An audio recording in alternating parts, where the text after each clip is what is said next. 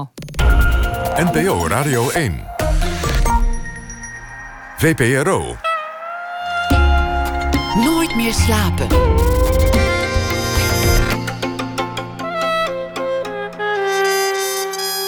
Met Pieter van der Wielen. Goedenacht en welkom bij Nooit meer slapen. Na één uur komt regisseur Sharif Nasser op bezoek, want hij begeleidt jonge filmmakers tijdens het Dabounce Filmfestival in Amsterdam bij het maken van hun korte film. Aandacht ook voor de voorstelling Race van Erik de Vroet en, uh, het Nationaal Toneel. Een voorstelling waarin twee advocaten botsen over de gevolgen van vermeende discriminatie. Maar we beginnen komend uur met Nelleke Noordervliet. Aan het einde van de dag is de titel van haar nieuwe roman. Een oud politica wordt benaderd met de vraag of ze medewerking wil geven aan een over haar te schrijven biografie. Want, zegt de beoogd biograaf, is zo'n mooie exponent van haar tijd. En vanaf dat moment beginnen de herinneringen te krabben aan het personage. Want welk leven heeft ze eigenlijk geleefd? En wie was ze eigenlijk? En moet zo'n biografie er wel komen? Nelleke Noordervliet is schrijver, schrijft vaker over historische onderwerpen. Maar dit boek gaat dan ook over haar eigen tijd. De naoorlogse jaren, de roerige jaren 60, het idealisme van de jaren 70 en het afschudden van die idealen weer 20 jaar later. Nelleke Noordervliet zelf is geboren in 1945. Ze is ook columniste voor het eh, radioprogramma OVT. De laatste weken was ze ook op reis door het land in de theaters met een geschiedenisshow samen met anderen. En ze heeft een heel oeuvre. Ik ga niet alle titels noemen, maar het zijn er zo ongeveer twintig inmiddels.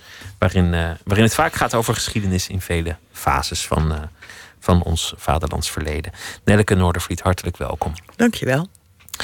Laten we maar beginnen meteen met, met je eigen tijd proberen te duiden. In welke tijd je hebt geleefd en, en wat dat jou dan maakt. -hmm. Als je bent geboren in 1945 en opgegroeid in Rotterdam, dan, dan leeft je eigenlijk tussen het zichtbare puin van de oorlog. Ja, ja, ja, ja. De, de binnenstad was er niet. Er stonden wat uh, staketsels, wat gebouwen, een kapotte Laurenskerk. En ik had altijd het idee dat die gebouwen eigenlijk van karton waren als kind, omdat ze zo onwerkelijk daar stonden. Dat iemand ze maar van karton aan elkaar had gelijmd. Maar ze waren wel echt natuurlijk. En, en als wij dan um, op het Hoofdplein kwamen, dat is natuurlijk een kale vlakte, dan zei mijn moeder altijd: daar was Pjor. En dan knikte ze naar een lege plek. Dat was de dancing waar zij altijd kwam. En Pjor was een, een legende in Rotterdam. Daar kwam iedereen. Mijn moeder zei, daar hebben ze een, een glazen dansvloer... die van onder is verlicht. En dan kon ze nog helemaal wegdromen. Maar die was plat, die was weg. Dus ze, ze had, mijn moeder had herinneringen aan die stad... die ze dan vertelde, maar bij lege plekken. En dat herinner ik me als kind nog goed. Is dat voor een kind ook niet spannend, een, een kapotte stad? Want dat biedt veel ruimte om, om tikkertje en verstoppertje te spelen. Nou, die, wij woonden niet, eh, niet al te dicht bij. De vernielingen? Dat, uh, nee, nee, nee. Dus, dus, het was, je moest altijd nog een eentje lopen. Dus dat, we kwamen er eigenlijk alleen maar als we dan even naar de oude bijenkorf gingen. Die uh, was nog in bedrijf.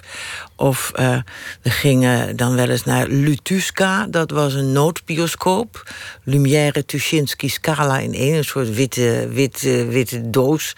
En er waren ook noodwinkeltjes op het Koolsingel waar we dan kwamen. Dus ja, die stad herstelde zich wel.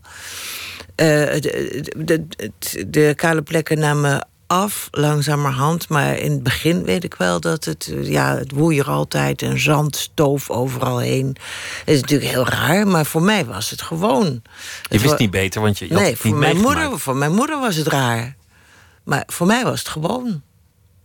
Je bent niet in letterlijke zin een, een babyboomer. Je hoort wel wellicht tot die generatie, maar omdat je bent geboren in de herfst van 1945, ben, ben je net te vroeg om, om te zijn ontstaan oh, is dat uit het. zo?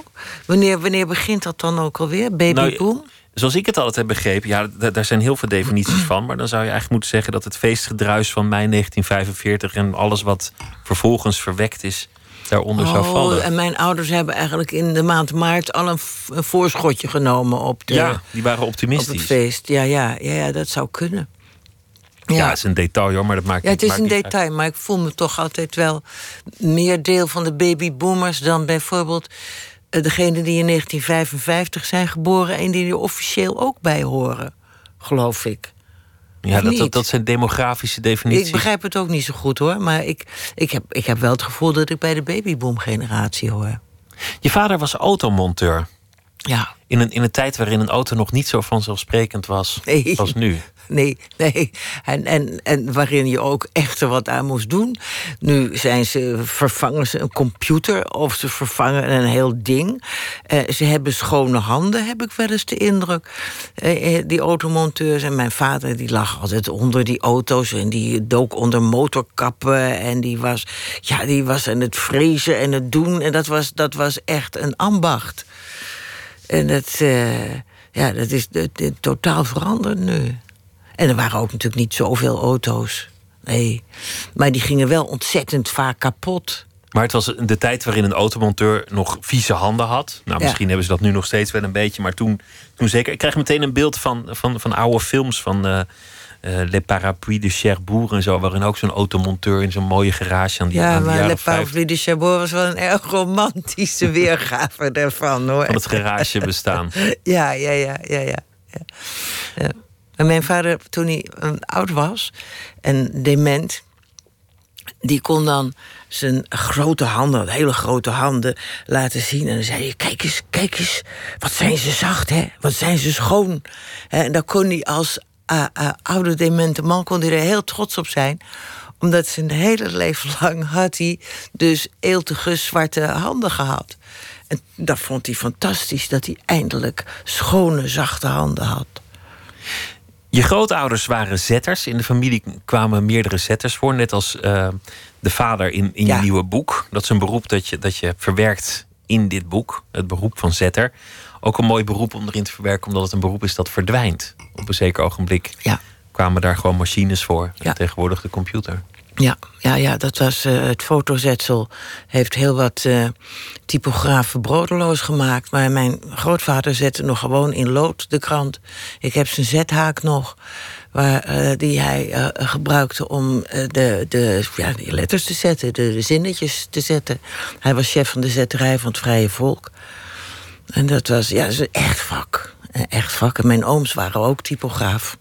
Als ik dit zou moeten labelen, zou ik zeggen een, een rooms-rode arbeidersfamilie. Ja, mijn moeder was, uh, ze waren protestant van huis uit, maar deden daar niks aan. En waren eigenlijk gewoon uh, socialistisch. Partij van de Arbeid, SDAP natuurlijk. En uh, mijn grootvader was lid van de Grafische Bond, uiteraard. en mijn vader kwam uit het Westland en was katholiek. En katholieken die vonden dan altijd dat de kinderen ook katholiek opgevoed moesten worden. En mijn moeder werd braaf katholiek voor mijn vader. Dus uh, ik heb dus op katholieke scholen gezeten. Maar mijn moeder had toch een, een heftige rode invloed op me. Dat wel. Dat je uit een, een, um, een milieu van vuile handen, blauwe overals en, en werken met de handen komt. Is dat, is dat iets dat nog doorleeft in je, in je huidige identiteit, je zelfbeeld, hoe je, hoe je naar de wereld kijkt? Is dat iets dat je, dat je, waar je dagelijks van bewust bent?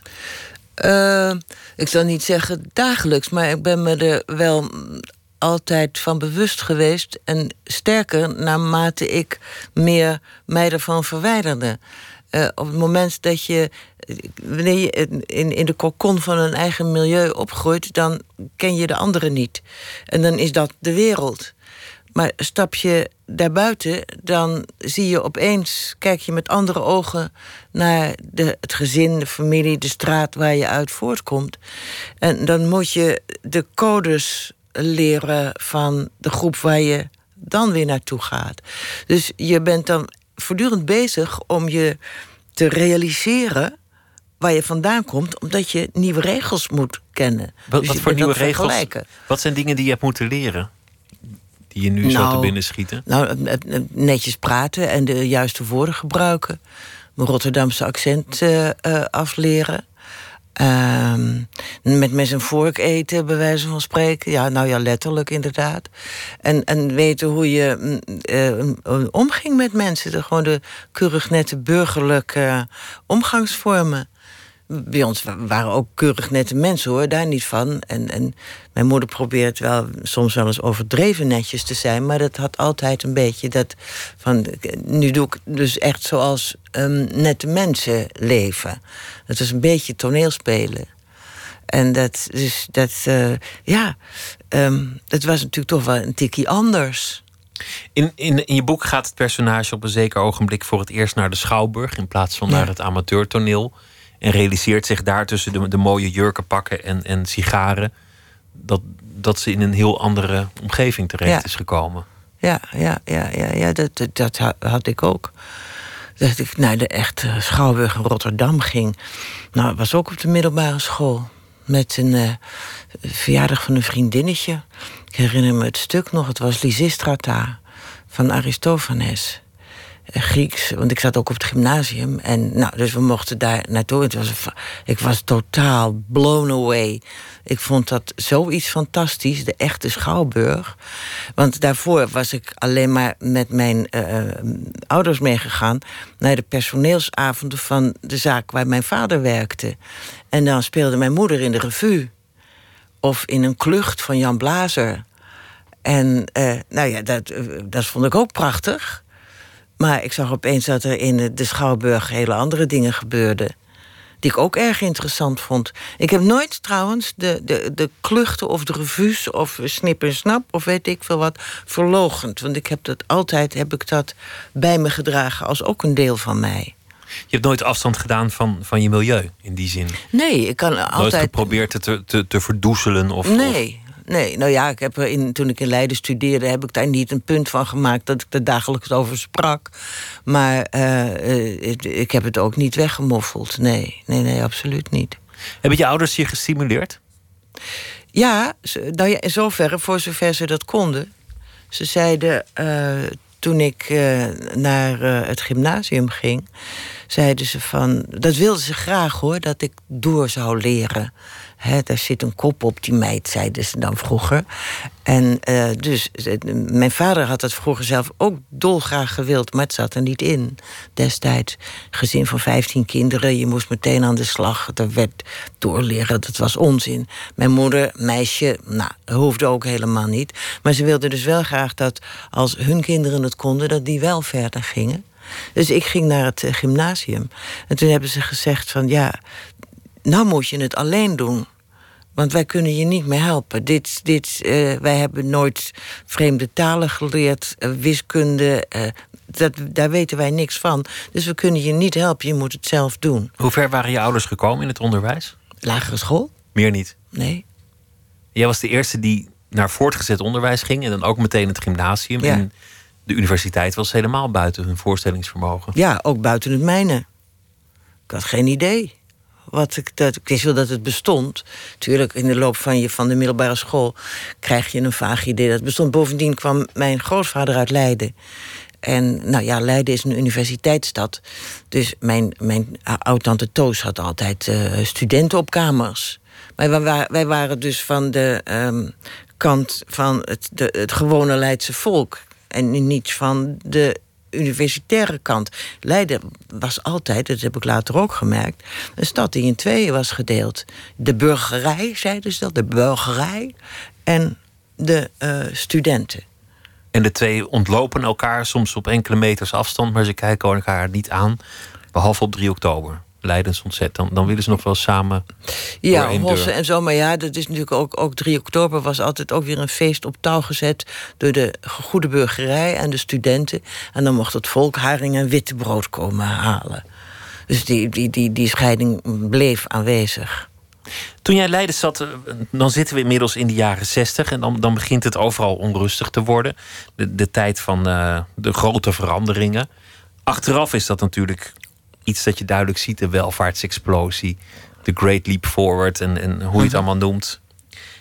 Heb je daar iets van meegekregen terwijl je daar in, in Leiden zat, als, als studentenmeisje? Um, jawel, want we, er was toen al televisie.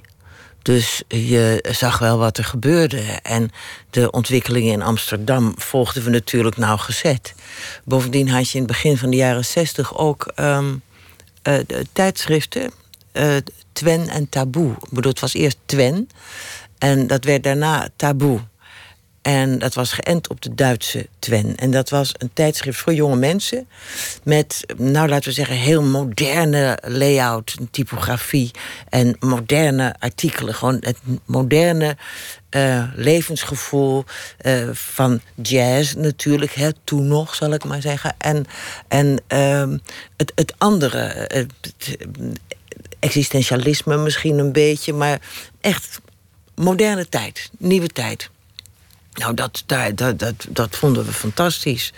Dus daar, uh, dat, die, die tijdschriften kochten we. En dan hoopten we daar ooit nog eens bij te mogen horen.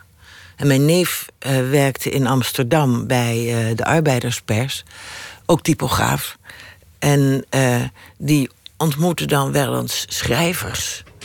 En die bracht dan ook wel eens boeken voor ons mee die ze bij de arbeiderspers drukten. Nou, dat was ook allemaal feest. Dus wij zogen uh, in, in Rotterdam en ook in Leiden die informatie in ons op. Dus, uh, een enorme honger naar kennis, ja. naar, naar, verandering, naar emancipatie, ja. naar, naar, naar verder komen. Achteraf we zien een, een enorm optimistische tijd. Ja. Vanuit het heden zou je, zou je heimwee krijgen, omdat je vaak leest dat de, de volgende generatie het misschien wel niet zo goed krijgt als de huidige generaties. Om, omdat heel veel dingen onder druk staan. Van is het nog wel vanzelfsprekend dat iedereen moet studeren?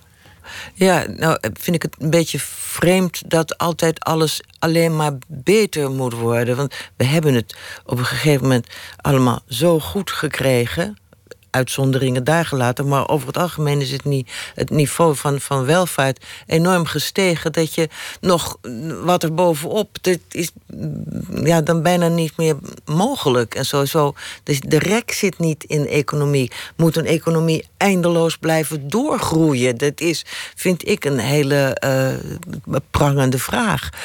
Uh, wat mij betreft, ik, ik kan gerust weer terug naar uh, wat we vroeger thuis hadden. Maar, maar, het optimisme van die tijd. Ja, zeker. Was... Dat je, dat je onttrekt aan je milieu, dat je, dat je ja, dat nieuwe, nieuwe paden kunt uh, verkennen. Ja, dat was fantastisch. Ja, ik herinner me ook dat wij foto's maakten van mijn moeder. Nou ja, het was ook van, de van het fototoestel dat mijn vader had gekregen bij zijn 12,5-jarig jubileum toen, bij, de, bij de zaak. En dat wij mijn moeder fotografeerden bij haar eerste gasfornuis waar ze dan trots een overschotel inschuift. En uh, we fotografeerden er ook bij de uh, ijskast. Waar, tegen wij koelkast zeiden natuurlijk. Maar later heb ik begrepen dat je in bepaalde kringen ijskast moest, moest zeggen. Dat, dat was nieuw, dus daar waren we trots op. Staat in het fotoalbum geplakt. En dat was vooruitgang. Dat, dat je dat, dat had opeens. En dan ook nog de televisie. Dat was, dat was helemaal fantastisch. Je ging pas laat schrijven. Zo, zo ergens voorbij je veertigste debuteerde je als schrijver. Toen, toen, had je al een gezin. Je had al uh, een carrière gemaakt op andere vlakken. Je hebt nog een tijdje in de gemeenteraad van het plaatsje Monster gezeten. Monster onder de rook van Den Haag. Ja. ja. Wat, wat deed je daar eigenlijk? Nou ja, daar waren we terechtgekomen. Uh, uh, mijn man werkte daar in de buurt in Den Haag en later in Delft. we zochten dus een, een, huis. We hebben dus een huis gekocht in de omgeving van Den Haag. Dat was ons eerste huis dat we kochten. we hadden geen cent te makken, maar dat geeft niet. De makelaars zijn nog tegen ons. Maar houdt u er wel rekening mee dat u het ook nog moet inrichten? Uh, zo vaderlijk sprak hij ons toe. We zeiden, nou, daar hoef je je niet druk over te maken. Dat komt wel. We zetten gewoon rotzooi neer, maakt niet uit. En uh, Monster was toevallig het dorp waar mijn uh, vader vandaan kwam. Die kwam uit Poeldijk. Dat is dezelfde gemeente. Dus mijn familie van vaderskant woonde in het Westland. Dus ik kende het Westland daar goed. En ja, ik zat daar met een, een, een kind en um, eigenlijk niks te doen. Want ja, werk en, en een huishouden combineren was in die tijd nog niet zo eenvoudig. Was geen kinderopvang of wat ook. Dus toen ben ik bij de uh, Partij van de Arbeid heb ik me aangesloten. En ja, ja, goed, het was een hele kleine partij in het Westland. Dus voordat ik wist, was ik voorzitter van de afdeling. En voordat ik het uh, wist, was ik ook fractievoorzitter in de gemeenteraad. Ja, een fractie van twee. Dus dat schoot lekker op. Vond je het leuk, politiek en bestuur? Ja, ik vond het op dat, dat gemeenteniveau, dat, dat, van een kleine gemeente, vond ik het eigenlijk wel leuk. Maar ik ging natuurlijk ook wel eens naar congressen van de Partij van de Arbeid. En zag dan hoe daar in de wandelgangen werd uh, gemarchandeerd en geouwehoerd en uh,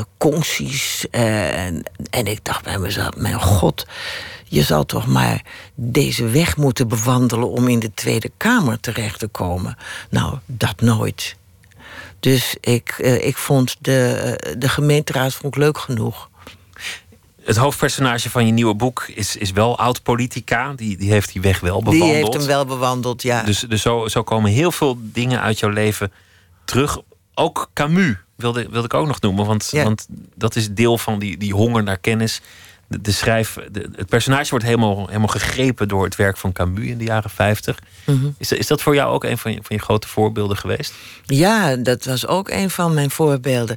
Ik weet helemaal niet meer hoe ik, hoe ik eraan kwam hoor. Eh, want bij ons op school, katholieke school, werd natuurlijk niet uitgebreid stilgestaan bij het werk van Sartre en Camus. Want dat was natuurlijk te goddeloos. Wij bleven bij Teilhard de Chardin steken eh, en, en Blaise Pascal of zoiets dergelijks. Maar ik weet niet hoe ik bij, bij Camus kwam, maar enfin, ik ontdekte hem. En, oh ja, ik weet het wel. Meneer Messelaar, onze leraar Frans, die las met ons La Peste in de klas. Wat een daad van revolutie was in zo'n katholieke school. Uh, heb ik pas achteraf begrepen. Dus uh, hij vertelde ons over Camus. En toen ben ik verder gaan lezen, uiteraard De Vreemdeling. En uh, zijn, essays, de mythe van Sisyphus en de mens in opstand. En van de mens in opstand was ik helemaal totaal kapot. Want dat, dat uh, nou ja, maakte me wakker, dat boek. Ik dacht, oh, wacht even. Zo moet ik over het leven denken en over de dood. Het, het, het, het zit anders in elkaar. Dus dat, dat was echt een absolute bewustwording en ook een geloofsafval uiteraard. Dat ging daarmee gepaard. Dat een boek echt je leven kan veranderen. Je, je, je kijk op het bestaan. Ja. En de, ik vond het zo. Ik dacht van jeetje, dat is denken. Uh, uh, daar ging ik dus in mee. was bovendien ook heel goed schrijven. Maar dat besefte ik later pas. En ik heb later nog wel gezien... ik heb daar natuurlijk allemaal strepen in de kantlijn gezet bij de mensen in opstand. En ik heb het zelfs op een gegeven moment weg moeten leggen, omdat het me te veel in verwarring bracht. Dat, dat, kan ik even niet meer lezen. Ik moet dit nu even verwerken. En ik kijk af en toe, ik, ik keek later wat ik had aangestreept. En ik dacht, waarom heb ik dat in godsnaam aangestreept? En dat je je niet meer kunt verplaatsen in de... Uh, de lezer die je was. De lezer die ik was dat ik niet meer begreep wat mij daar zo in fascineerde. Maar het was gewoon iets wat je voor het eerst las en aangreep. En ja, zoveel jaren later is het bij wijze van spreken oude koek. Dus het was, dat, dat vond ik wel heel grappig om dat te zien. Wanneer kwam de gedachte dat je zelf zou kunnen schrijven? Want je, je bent gedebuteerd op, op je 41ste, 42ste, zoiets. Ja. Ja. Dat, dat, leek toen laat. Ja, nu, nu denk je. Nu is het helemaal niet meer laat, geloof ik. Piepjong. Ja. ja. Ja, nee, maar toen was, het, was je niet van de jongste generatie, geloof ik. Maar uh, ja, ik heb Nederlands gestudeerd. Dus uh, en, en, en, en, lezen altijd fantastisch gevonden. Maar ja, dat betekent nog niet dat je kunt schrijven. En ik vond het ook een beetje aanmatigend om te zeggen van... nou, uh, luister eens, ik ga nu een, een, een roman schrijven... en daar zit de hele wereld op te wachten. Uh, dat, is, bedoel, dat is aanstellerig, is idioot. Aan de andere kant, als je je die gedachte alleen al toelaat... Dat, dat de hele wereld er misschien wel niet op zit te wachten... Of als je gaat denken, nou ja, Camus is al geschreven en Sartre en uh alle grote Russen zijn er al, kom ik nog een keer. Ja, is ja, totaal dan, het, nutteloos. Dan gaat het boek er niet komen. Nee, ik schrijf dus ieder boek tegen die gedachte in. Want die uh, uh, maalt altijd door mijn hoofd als ik schrijf. Altijd moet ik vechten tegen die gedachte van stel je niet aan. Laat ons zitten alles is al geschreven. Wat kun je hier nou aan toevoegen? Dat is uh, onzin. Dus uh, die boeken moet ik op mezelf veroveren. nou. En op, op de de gedachte van zinloosheid. Aan de andere, Ja. andere kant, je doet er ook in ieder geval niemand kwaad mee. Nee, dat is al heel wat. Dat is al heel wat om te beginnen. Ja, dat is zeker al heel wat. Nou ja, er wordt misschien een boom omgezaagd als het, als het een tweede druk haalt. maar- Ja, en, en ach, het, het, het helpt je de tijd te verdrijven. We gaan het straks eh, nog, nog wat leuker maken, omdat dat je inmiddels ook een heel oeuvre hebt en, en een heel trouwe schare lezers en, en, succes. Dus, dus je hebt die gedachten overwonnen. Maar eerst gaan we luisteren naar het, eh, het zusje van, en dat zusje van Beyoncé om precies te zijn. En ze heet eh, Solange en ze heeft een nieuw album, A Seat at the Table. En we gaan luisteren naar een nummer met als titel Wary.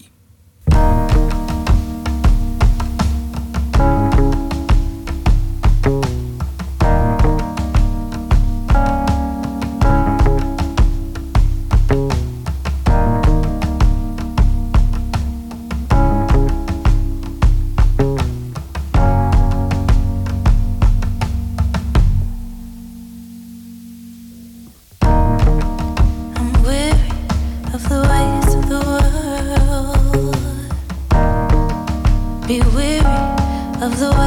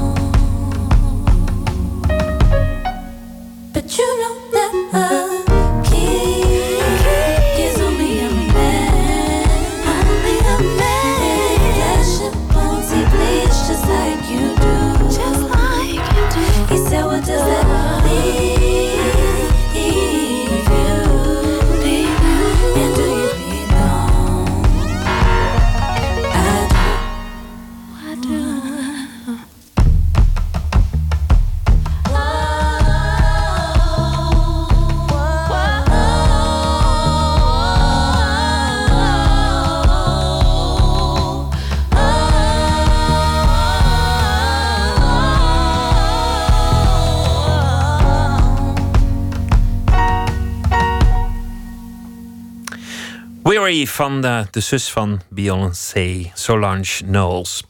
Nelleke Noordervliet zit tegenover mij naar aanleiding van een nieuwe roman. Aan het eind van de dag een oud-politica moet nadenken over de vraag of ze wil meewerken aan een biografie.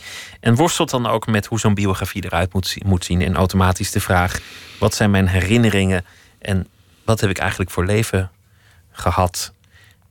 Is dat, is iets wat je, wat je zelf herkent nu, eh, nu, nu de jaren toch een beetje eh, gevorderd zijn? Dat, dat ineens herinneringen zich opdringen en een steeds grotere rol gaan spelen in je bestaan? Nou, dat nog niet.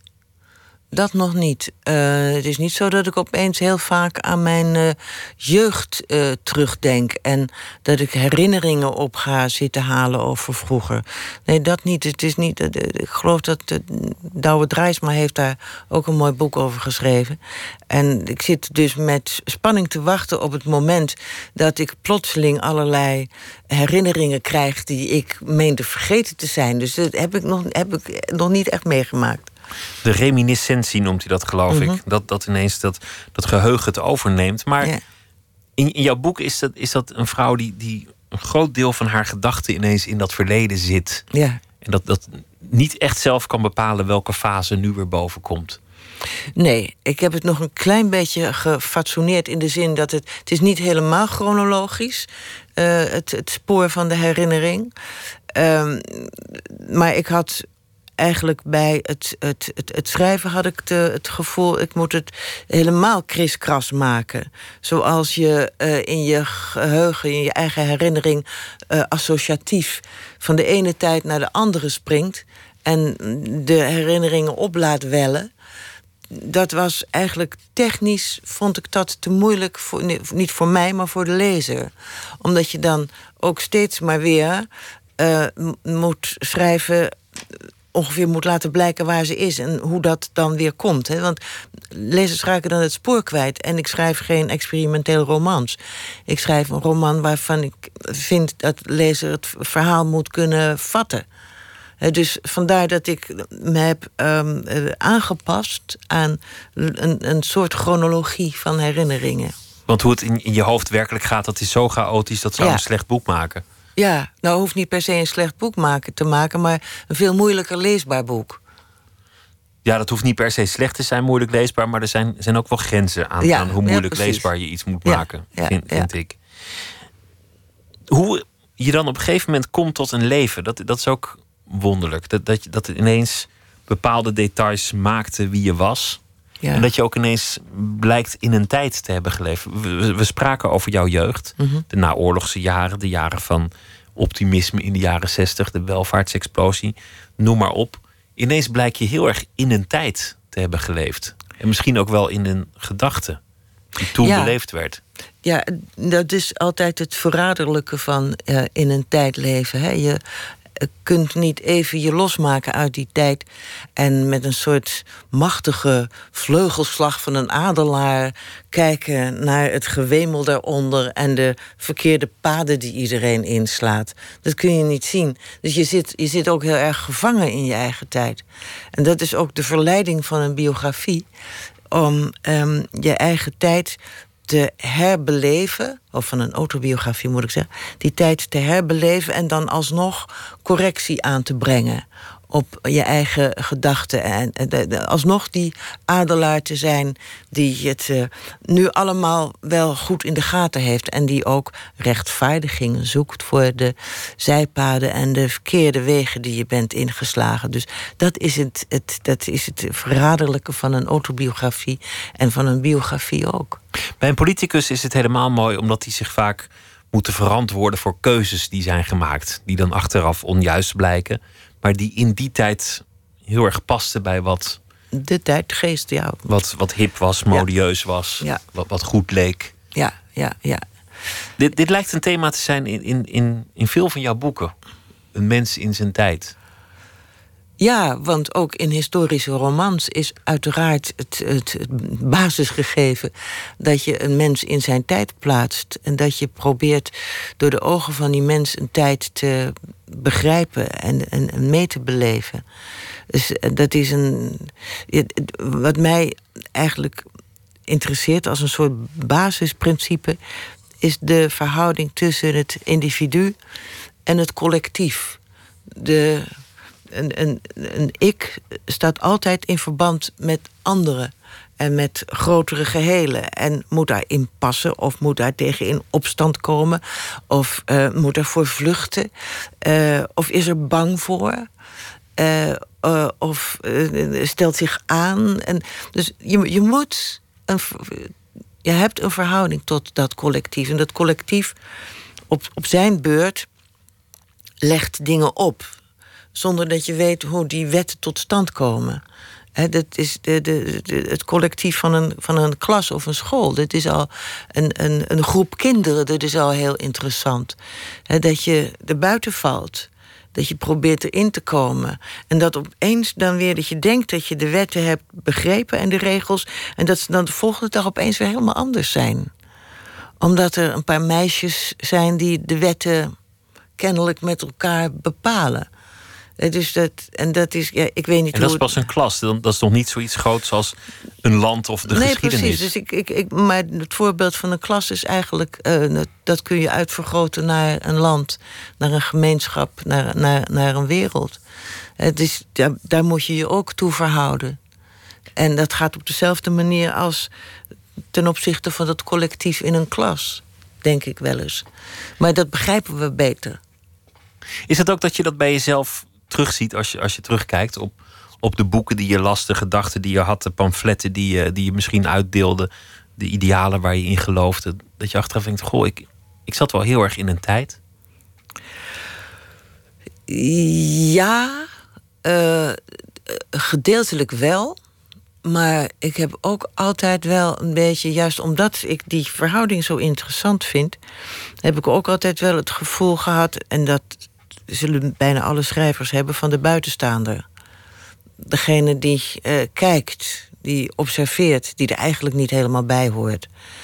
En nou kun je dat doen met een, eh, op een, een soort arrogante manier. Van, nou, ik ben mijzelf genoeg, ik neem afstand tot de massa. Maar je kunt het ook doen op een angstige manier. Van, oh, ik hoor er niet bij. En dan toch kijken hoe je erbij kunt gaan horen. Dat zijn verschillende manieren om je als individu op te stellen ten opzichte van, eh, van, van dat collectief. En een schrijver heeft dat eigenlijk ofwel eh, op de ene manier, de arrogante manier, of op de andere manier. Welke was die jou? Nou, mijne was natuurlijk de bange. Omdat je niet zeker wist of je er wel bij hoorde.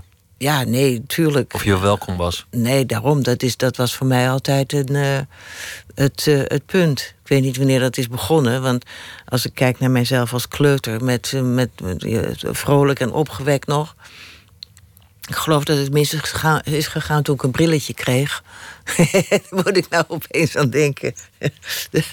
toen ik eh, vijf was, was ik, eh, had ik een lui oog, zoals dat heette.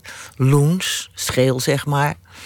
En daar moest dus een brilletje op worden geplaatst. Nou, en zo'n zo'n fondsbrilletje, weet je wel, zo'n onbreekbare kreng. En dan ben je opeens, ehm, ja, je ziet de wereld en de wereld ziet jou. Dan ben je een meisje met een bril. Dan ben je een meisje met een bril. En als je dan ouder wordt en, en jongetjes gaan een rol spelen en, en, en, en er, moet, eh, nou ja, er moet geflirt worden en geknuffeld en, en, en gezoend en gedanst. Wa- wa- Was je dan ook het meisje van de, met, met de bril? Was je, was je dan ook, eh, stond je achteraan? Nou ja, ik stond achteraan omdat ik eh, zo lang was. Ik was 1,80 meter. En al mijn vriendinnen waren veel kleiner. Dus ik, dat was vrij lang in die tijd. En ik was ook, ja, flink. En al mijn vriendinnen waren van die leuke, slanke tennis- en hockeymeisjes. En ik had schoenenmaat 41.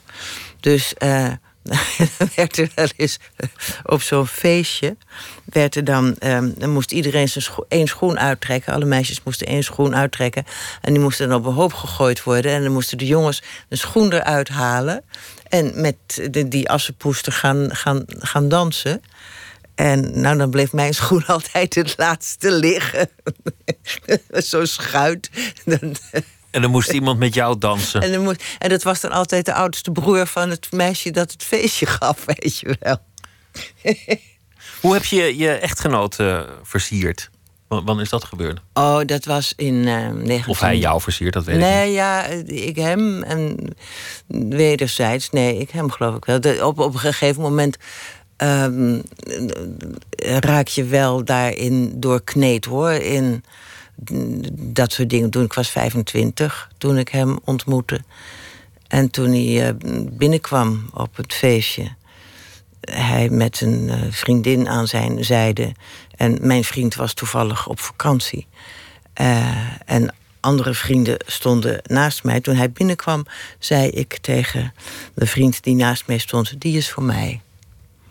Al dus besloot je. Ja, en dat was zo, dat wist ik. En dat, kennelijk wist ik dat. En zo is het, eh, eh, zo is het gekomen. Hij is eh, scheikundige, dus Ja. iemand, iemand meer van de exacte wetenschappen. Niet iemand heel erg van de literatuur. Is hij iemand die, die meeleest als je aan het schrijven bent, of, of die met jou spreekt over, over literatuur? Of hebben jullie andere dingen die je delen? We praten niet over literatuur, wel, wel over het literaire bedrijf, alles wat er eh, zo. De roddel en achterklap? Ja, precies.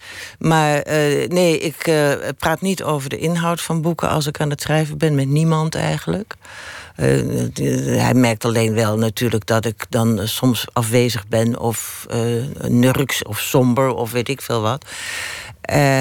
Ik, ik neem me wel eens voor om het te bespreken en dat doe ik dan ook wel eens, maar het is bijna altijd niet uit te leggen. Want ja, dan kan hij alleen maar zeggen: Ja, oh ja, goh, nou, hè, nou probeer dat eens. Ja, en als hij dan iets, een, een, een idee aandraagt, dan zeg ik altijd: Ja, nee, dat, dat, dat, dat, dat is niet goed. Hè, dus, dat, dus hij doet dat ook niet. Dat hoeft ook helemaal niet. Eh, hij leest het als het af is. En dan is hij trots. Ja, dan vindt hij het het allermooiste boek wat ik ooit heb geschreven.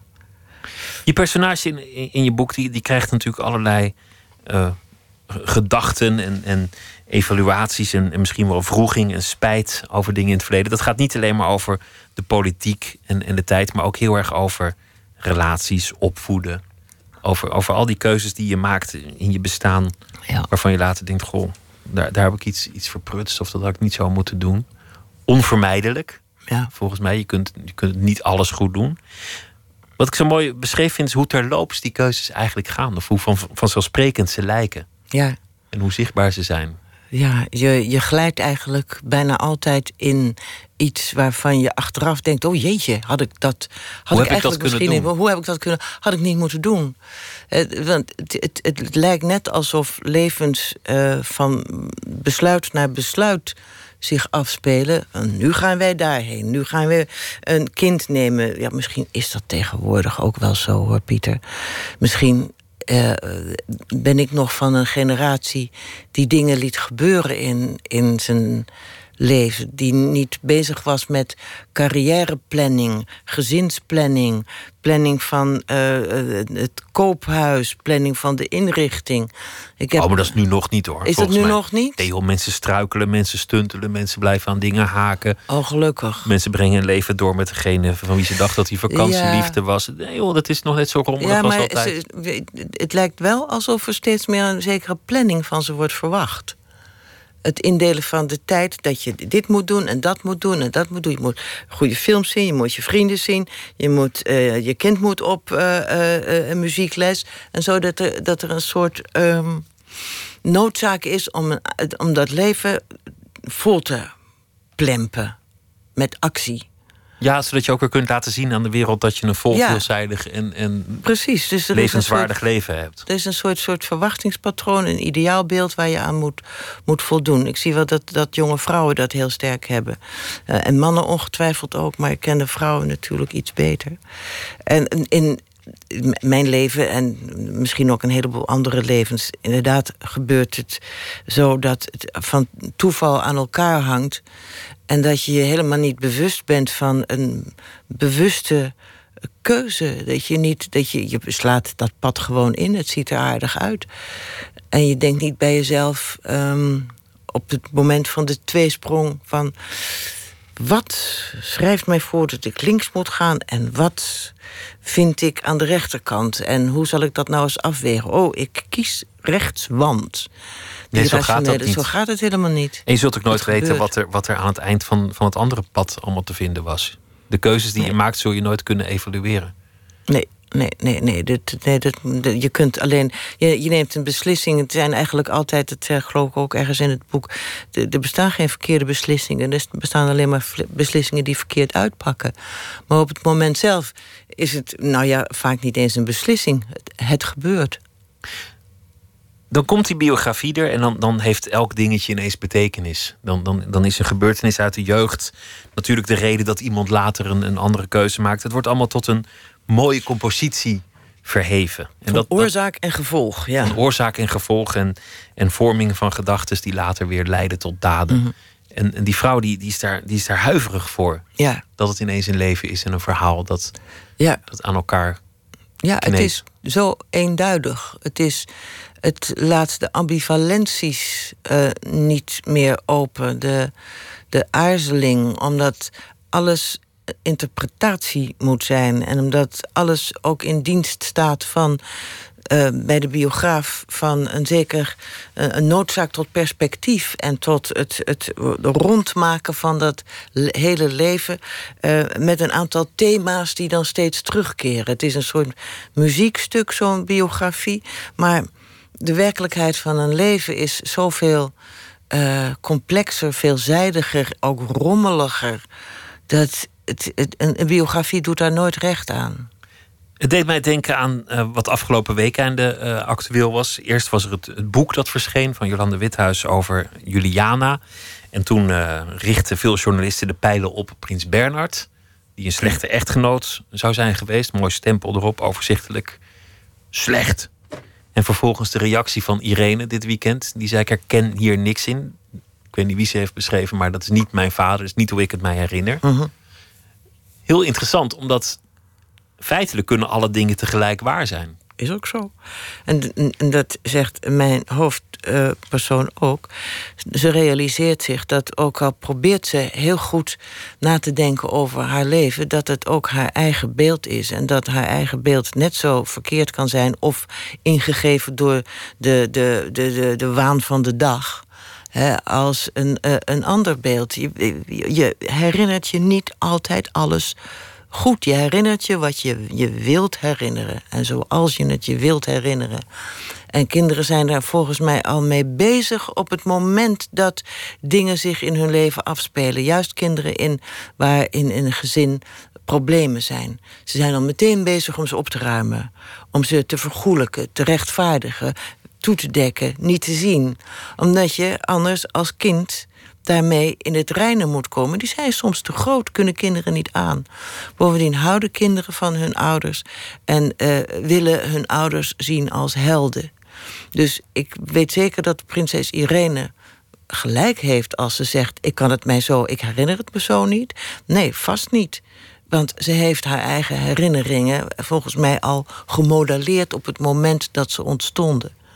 Dat zou althans zou moeten kunnen beseffen dat zoiets wel mogelijk zou zijn.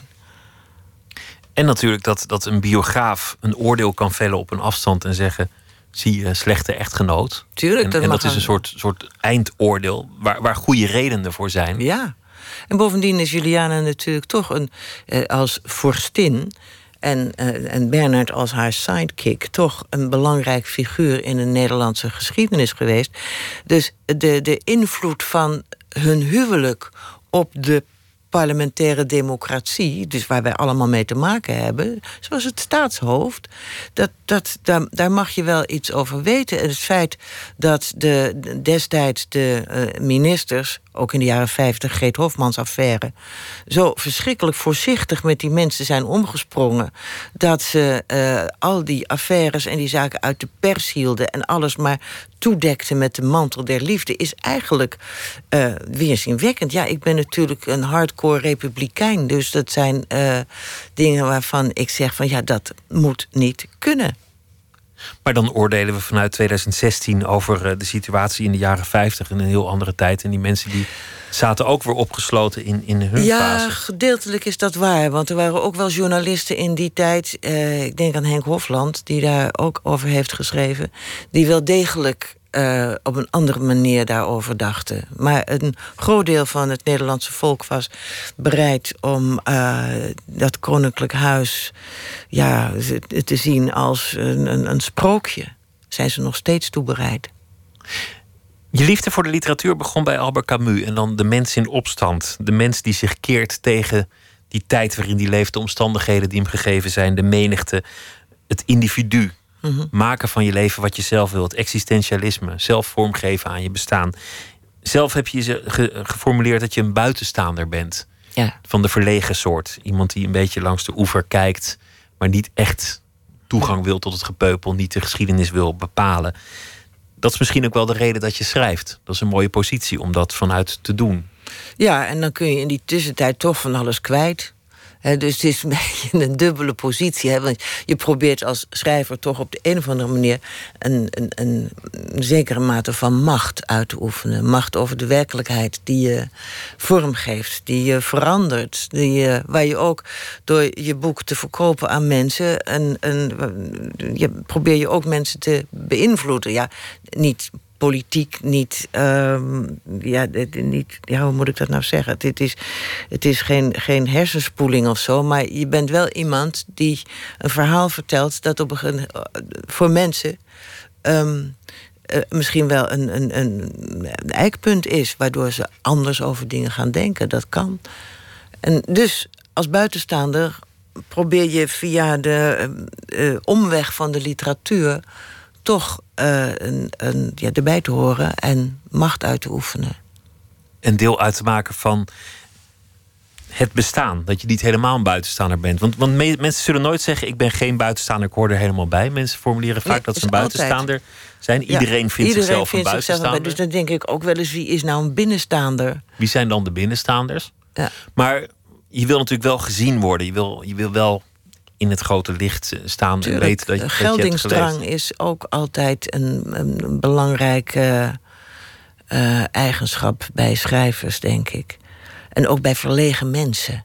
Volgens mij heeft ieder verlegen mens eigenlijk ook altijd de geheime, woeste drang om de baas te zijn. Dat is een. Uh... Ben je gaan schrijven ook om, om je verlegenheid te overwinnen? Is dat ook een manier om een stem te geven aan jezelf die je misschien op andere manieren niet zou hebben. Ja, dat denk ik wel. Dat denk ik wel. Ja, het, is, het, het, het, heeft natuurlijk veel functies. Je kunt je ook terugtrekken in die wereld van de fictie, van de fantasie. Waarin je je eigen werkelijkheid schept. Uh, en dan hoef je even niet in de echte werkelijkheid te, te zijn. Het is, het is, dat is het fijne van schrijven, dat je in al die werkelijkheden tegelijk leeft. Dat je, soms denk ik bij mezelf wel eens van... Wanneer heb ik dit boek eigenlijk geschreven? Eh, dan, want de echte werkelijkheid gaat ook al maar door... En als zo'n boek er dan is, dan denk ik achteraf bij mezelf... nou, dat was ook een behoorlijk stukje werkelijkheid waar je in hebt gezeten. Dus dat die, die, die dingen lopen dan parallel. En het is een hele vreemde sensatie om die, al die levens te hebben geleefd. Meerdere levens nou naast elkaar. Het schrijven is een parallel leven. Stel dat iemand een biografie over, over jou zou willen schrijven. Over, over dat, dat, dat, dat leven van die schrijver zelf is totaal niet interessant. Een schrijversleven, echt niet. Maar, maar jouw leven is, is, is ook niet interessant, Absoluut niet. Helemaal niet. Je leeft dus de interessante levens via anderen. Via anderen? Nee, ja, dat is, ik heb een ongelooflijk saai leven. Heel prettig leven hoor, maar daar valt voor een biograaf echt helemaal geen chocola van te maken. Die kan daar niks mee. Want die moet alleen maar zeggen wat voor boek ik heb geschreven liet weer de hond uit, deed weer boodschappen, ging weer schrijven. Ja, en dan, en dan proberen ze bij schrijversbiografieën die, die boeken altijd weer te koppelen aan de, het, de werkelijkheid van het schrijversleven. Dus dan wordt dat opgedrongen aan dat schrijversleven. Als ik nu over een politica schrijf, zou dat in een biografie helemaal worden teruggevoerd op mijn uh, jaren in de Partij van de Arbeid. En dan denk ik, ja, god, natuurlijk heb ze wel gebruikt... maar dit is geen betekenisvolle relatie. Dus dat, uh, totaal, dat, ik bedoel, ik zie het al voor me. Nee, ik bedoel, als iemand het, ik moet erg dood zijn, wil een, een, biograaf aan mijn leven mogen beginnen hoor. Want ik zeg ook nee. Een saai leven kan nog steeds een leuk leven zijn. Ja, absoluut. Ik heb een heel leuk leven. Ik heb een fantastisch leven. Is het ook zo dat je, want je noemde jezelf wel degelijk deel van, van de babyboom en ook, ook deel van de tijd. En in een aantal fases van je leven kun je dat zo op elkaar leggen. De, de, de fase van de geschiedenis en de fase van jouw leven. Is het dan ook zo dat je dat kunt relativeren naarmate je meerdere fases hebt meegemaakt? Omdat je net zei van het lijkt wel of iedereen tegenwoordig drukker is en meer aan planning doet. Ja. Je ziet de veranderingen. Ja, je kunt wel veel meer relativeren. Dat is ook zo. Juist omdat je, je ziet het zich toch maar allemaal weer herhalen. Allerlei patronen. En um, ja, daarom lijkt het ook zoals Douwe Drijsma zegt... of het leven sneller gaat als je ouder wordt. Omdat je die herhaling denk je, oh ja, daar gaat het weer. Eh, eh, dus je kunt, je kunt het allemaal veel beter plaatsen en, en, en beoordelen. Dus ook die, die vroegere fases in, in je eigen leven... en de manier waarop je toen uh, erin stond... en de dingen die je, die je je aantrok en waar je moeite mee had... dat, zijn, uh, dat verandert. En dat is een troostrijke gedachte. Dat je niet steeds met dezelfde hang-ups door blijft uh, akkeren in je leven. Dat het ook wel eens wat milder wordt en anders. Heerlijk om dat te relativeren ja, ik ben daar niet elke dag toe in staat, moet ik je eerlijk zeggen, Pieter. Want er zijn ook dagen dat ik dat helemaal niet kan. Maar um, ik, ik heb soms perioden dat ik dat heel, heel goed kan. En perioden dat ik in de opperste somberheid uh, en, en wanhoop verval en alleen maar bang ben. En, en, dan, en dan kom ik er weer uit en dan heb ik weer een paar en bang, maanden... bang waarvoor dan eigenlijk? Oh, alles. Voor de wereld? Alles, wereld, dood, alles alles. En dan, en dan, en dan gaat dat weer over. En dan, ehm, en dan gaat het weer goed. Maar angst voor de dood? Echt, echt concreet in je eigen bestaan? Dat je denkt, oh jee, de dood? Nou ja, ik denk er elke dag wel even aan. Dat ik mij het moment voorstel waarop dat gaat gebeuren. En, um, en, en die weg erheen, hè, die laatste, die laatste uh, weken erheen, daar kijk ik niet naar uit. Dood zijn, daar heb ik geen problemen mee. daar weet ik toch niks van. Maar dat, dat, dat, die laatste tijd, dat vind ik. En maar goed, angst is altijd irrationeel hoor. Dus daar kan je wel een verhaal bij vertellen, maar het is altijd irrationeel. Dus gewoon angst voor het leven is angst voor de dood. Het is nog ver weg, mag ik hopen. Ja, ja, nog een, ja volgens de statistiek heb ik nog zo'n 14 jaar te gaan of zo. Nou, kan je nog. Nou, kan ik nog twee boeken, drie boeken inschrijven. Je kunt nog een kat nemen. Dat kan ook of nog. Of een hond, dat kan nog. Dat red je dat nog. kan ook nog, dat doe ik niet. Ik heb kleinkinderen, dus dat, uh, daar kan ik ook wel mee uit de voeten. en je kunt nog vele boeken schrijven. Dit boek heet Aan het eind van de dag. Nelleke Noordervliet, dank je wel. Het was leuk dat je er was. Dank je wel. We gaan zo meteen verder met Nooit meer slapen. Met uh, heel veel andere dingen. Onder meer gaan we het hebben over een filmfestival. We gaan het over een uh, voorstelling hebben. Over een muziekfestival. En F. Starik heeft een verhaal bij de voorbije dag. Twitter, het VPRO NMS. We zitten op Facebook en u kunt zich abonneren op de podcast via iTunes of de website van de VPRO. vpro.nl slash nooit meer slapen.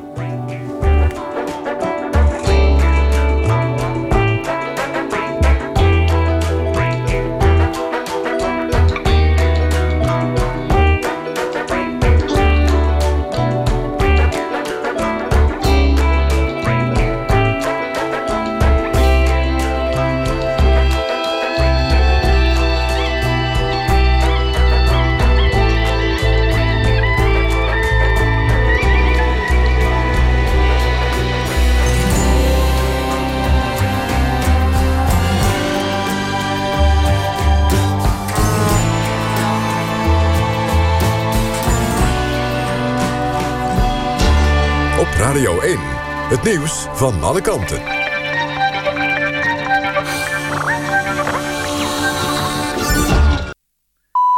1 uur, Mariette Krol met het NOS Journaal. Een groot aantal basisscholen weigert om leerlingen een hoger schooladvies te geven... als ze bij de eindtoets in groep 8 er goed hebben gepresteerd. Staatssecretaris Dekker noemt dat ongewenst en in strijd met de wet... Het schooladvies in groep 8 is tegenwoordig gebaseerd op de prestaties van een kind gedurende zijn hele basisschooltijd. Het wordt alleen naar boven bijgesteld als het kind de eindtoets veel beter maakt. Een aanzienlijke groep scholen doet dat dus niet, zegt de staatssecretaris, en zij kunnen bezoek van de inspectie verwachten.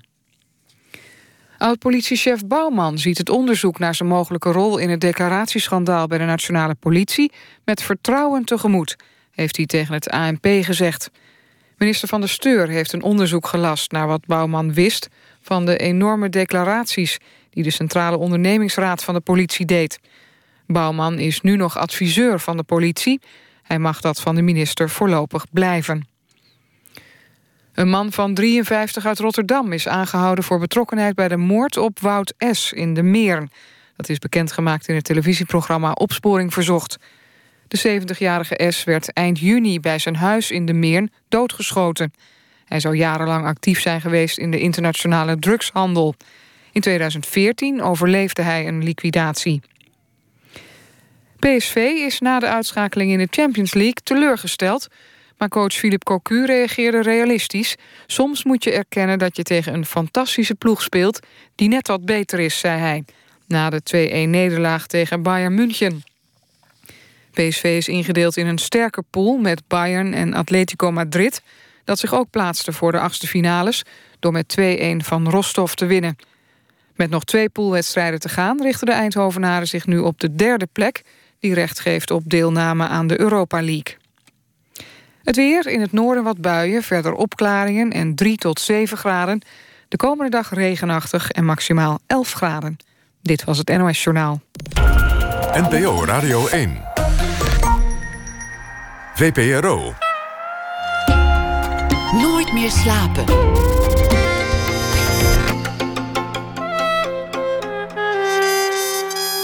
Met Pieter van der Wielen. De theatervoorstelling Race gaat over de gevolgen van positieve, maar ook negatieve discriminatie. En vertelt het verhaal van twee gehaaide topadvocaten. Zometeen een gesprek met een paar van de acteurs en artistiek leider Erik de Vroet. De voorstelling is zijn debuut bij het Nationaal Toneel. Een vooruitblik op het festival Le Guess een festival voor avontuurlijke muziek in Utrecht. Filmmaker Sharif Nasser komt op bezoek voor de rubriek Open Kaart. Hij begeleidt jonge filmmakers bij het maken van hun korte film op het Da Urban Film Festival. F. Starik zal deze week elke nacht een verhaal maken bij de voorbije dag. Dichter en schrijver. Zijn laatste dichtbundels zijn Door en Staat. En hij is ook de auteur van romans als De Gastspeler en Moeder Doen. F. Starik, goeienacht. Goedenavond. Is het al beter met de verkoudheid waar je gisteren melding van maakte? Uh, wij kunnen veel klachten met elkaar uitwisselen, maar vandaag komt er een verhaal van liefde en overgave. Oh, dat vind ik ook uh, prettig. Ja. Wil je meteen beginnen? Zal ik het maar doen? Graag. Dinsdag. Gisteren las ik op Facebook van mijn contrabasserende vriend Eddie Kuipers de navolgende status. Ik ben super blij dat we dit jaar een hele korte, zachte winter hebben gehad. Gelukkig is het nu weer zomer. Ik denk dat ik zo naar het strand ga. Eddie vindt veel dingen super. Dat komt door zijn contrabas. Ik geloof dat contrabassisten de gelukkigste mensen op aarde zijn... in weerwil van het feit dat ze de hele tijd met dat onhandelbare ding heen en weer moeten slepen dat ze in heel grote auto's moeten rijden. Anders past hij er niet in. Ik denk niet dat mensen die in een heel grote auto rondrijden gelukkiger zijn dan mensen met een kleintje. Maar ik denk wel dat heel veel mensen graag in een grote auto rond zouden rijden... omdat die auto hen zelf ook weer iets groter maakt. Je neemt een vanzelfsprekende ruimte in.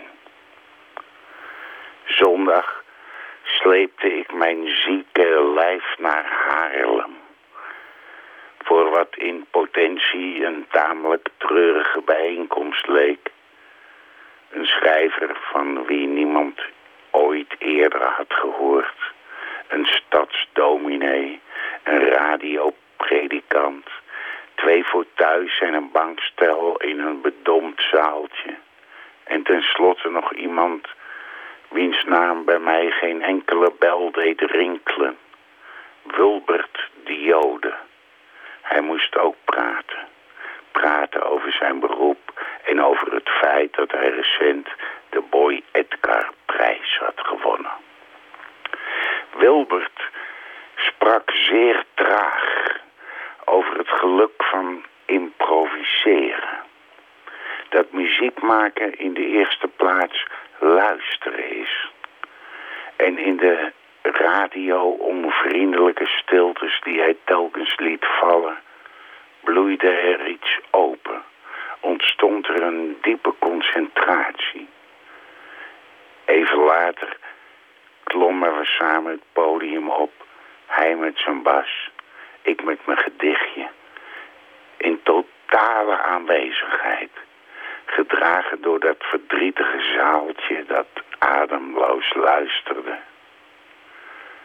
Het was magisch. Een moment van welhaast religieuze vervoering, geluk. Een zomerdag in november, hier en nu. Wilt u thuis zelf ook gelukkig worden? Koop een contrabas. En terwijl ik dit schrijf, begint het eindelijk, eindelijk te regenen. Dat, dat was mijn verhaaltje voor vandaag. F. Dat Starik, is dank toch je wel. lief, Pieter? Het is lief, het is mooi en, en positief. En wat is de herfst ook een heerlijk seizoen? En wat is de contrabas een prettig instrument, zolang je bovenbuurman het niet speelt? Een verrukkelijk instrument, ja. Het is een lichaam buiten een lichaam. Dat is het mooie van, het, van de contrabas. De- hij is net zo groot als je zelf bent. Ja.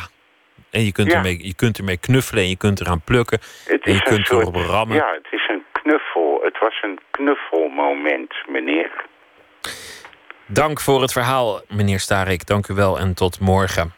Ja, dan gaan we gewoon weer zeiken over dat eh, ik nooit meer AOW-leeftijd ga bereiken. Want dat, dat, dat, dat wordt alsmaar later en opgeschoven. Hoe- Ja, dat is, hoe het is een beetje een soort. Ja, het deed mij een beetje denken aan zo'n zo'n zo'n herdershond op een sneeuwvlakte. met dan zo'n stuk vlees aan een hengel. En, en dat beest maar rennen naar Ja, die AOW toe. van een hengel. Ja. Ja. Nee, Nou dat ga je nooit bereiken, die AOW. Maar heb je ook. worst staan lopen met een hengel. Juist. Dag. Dag, dag, dag. Tot morgen. Goed nieuws, er is een nieuw album van de Franse soulzanger Ben L'Oncle Soul. Under My Skin heet het. En hij heeft eh, daarop allemaal nummers van Frank Sinatra uitgevoerd. Maar wel op een heel eigen wijze. We gaan luisteren naar The Good Life.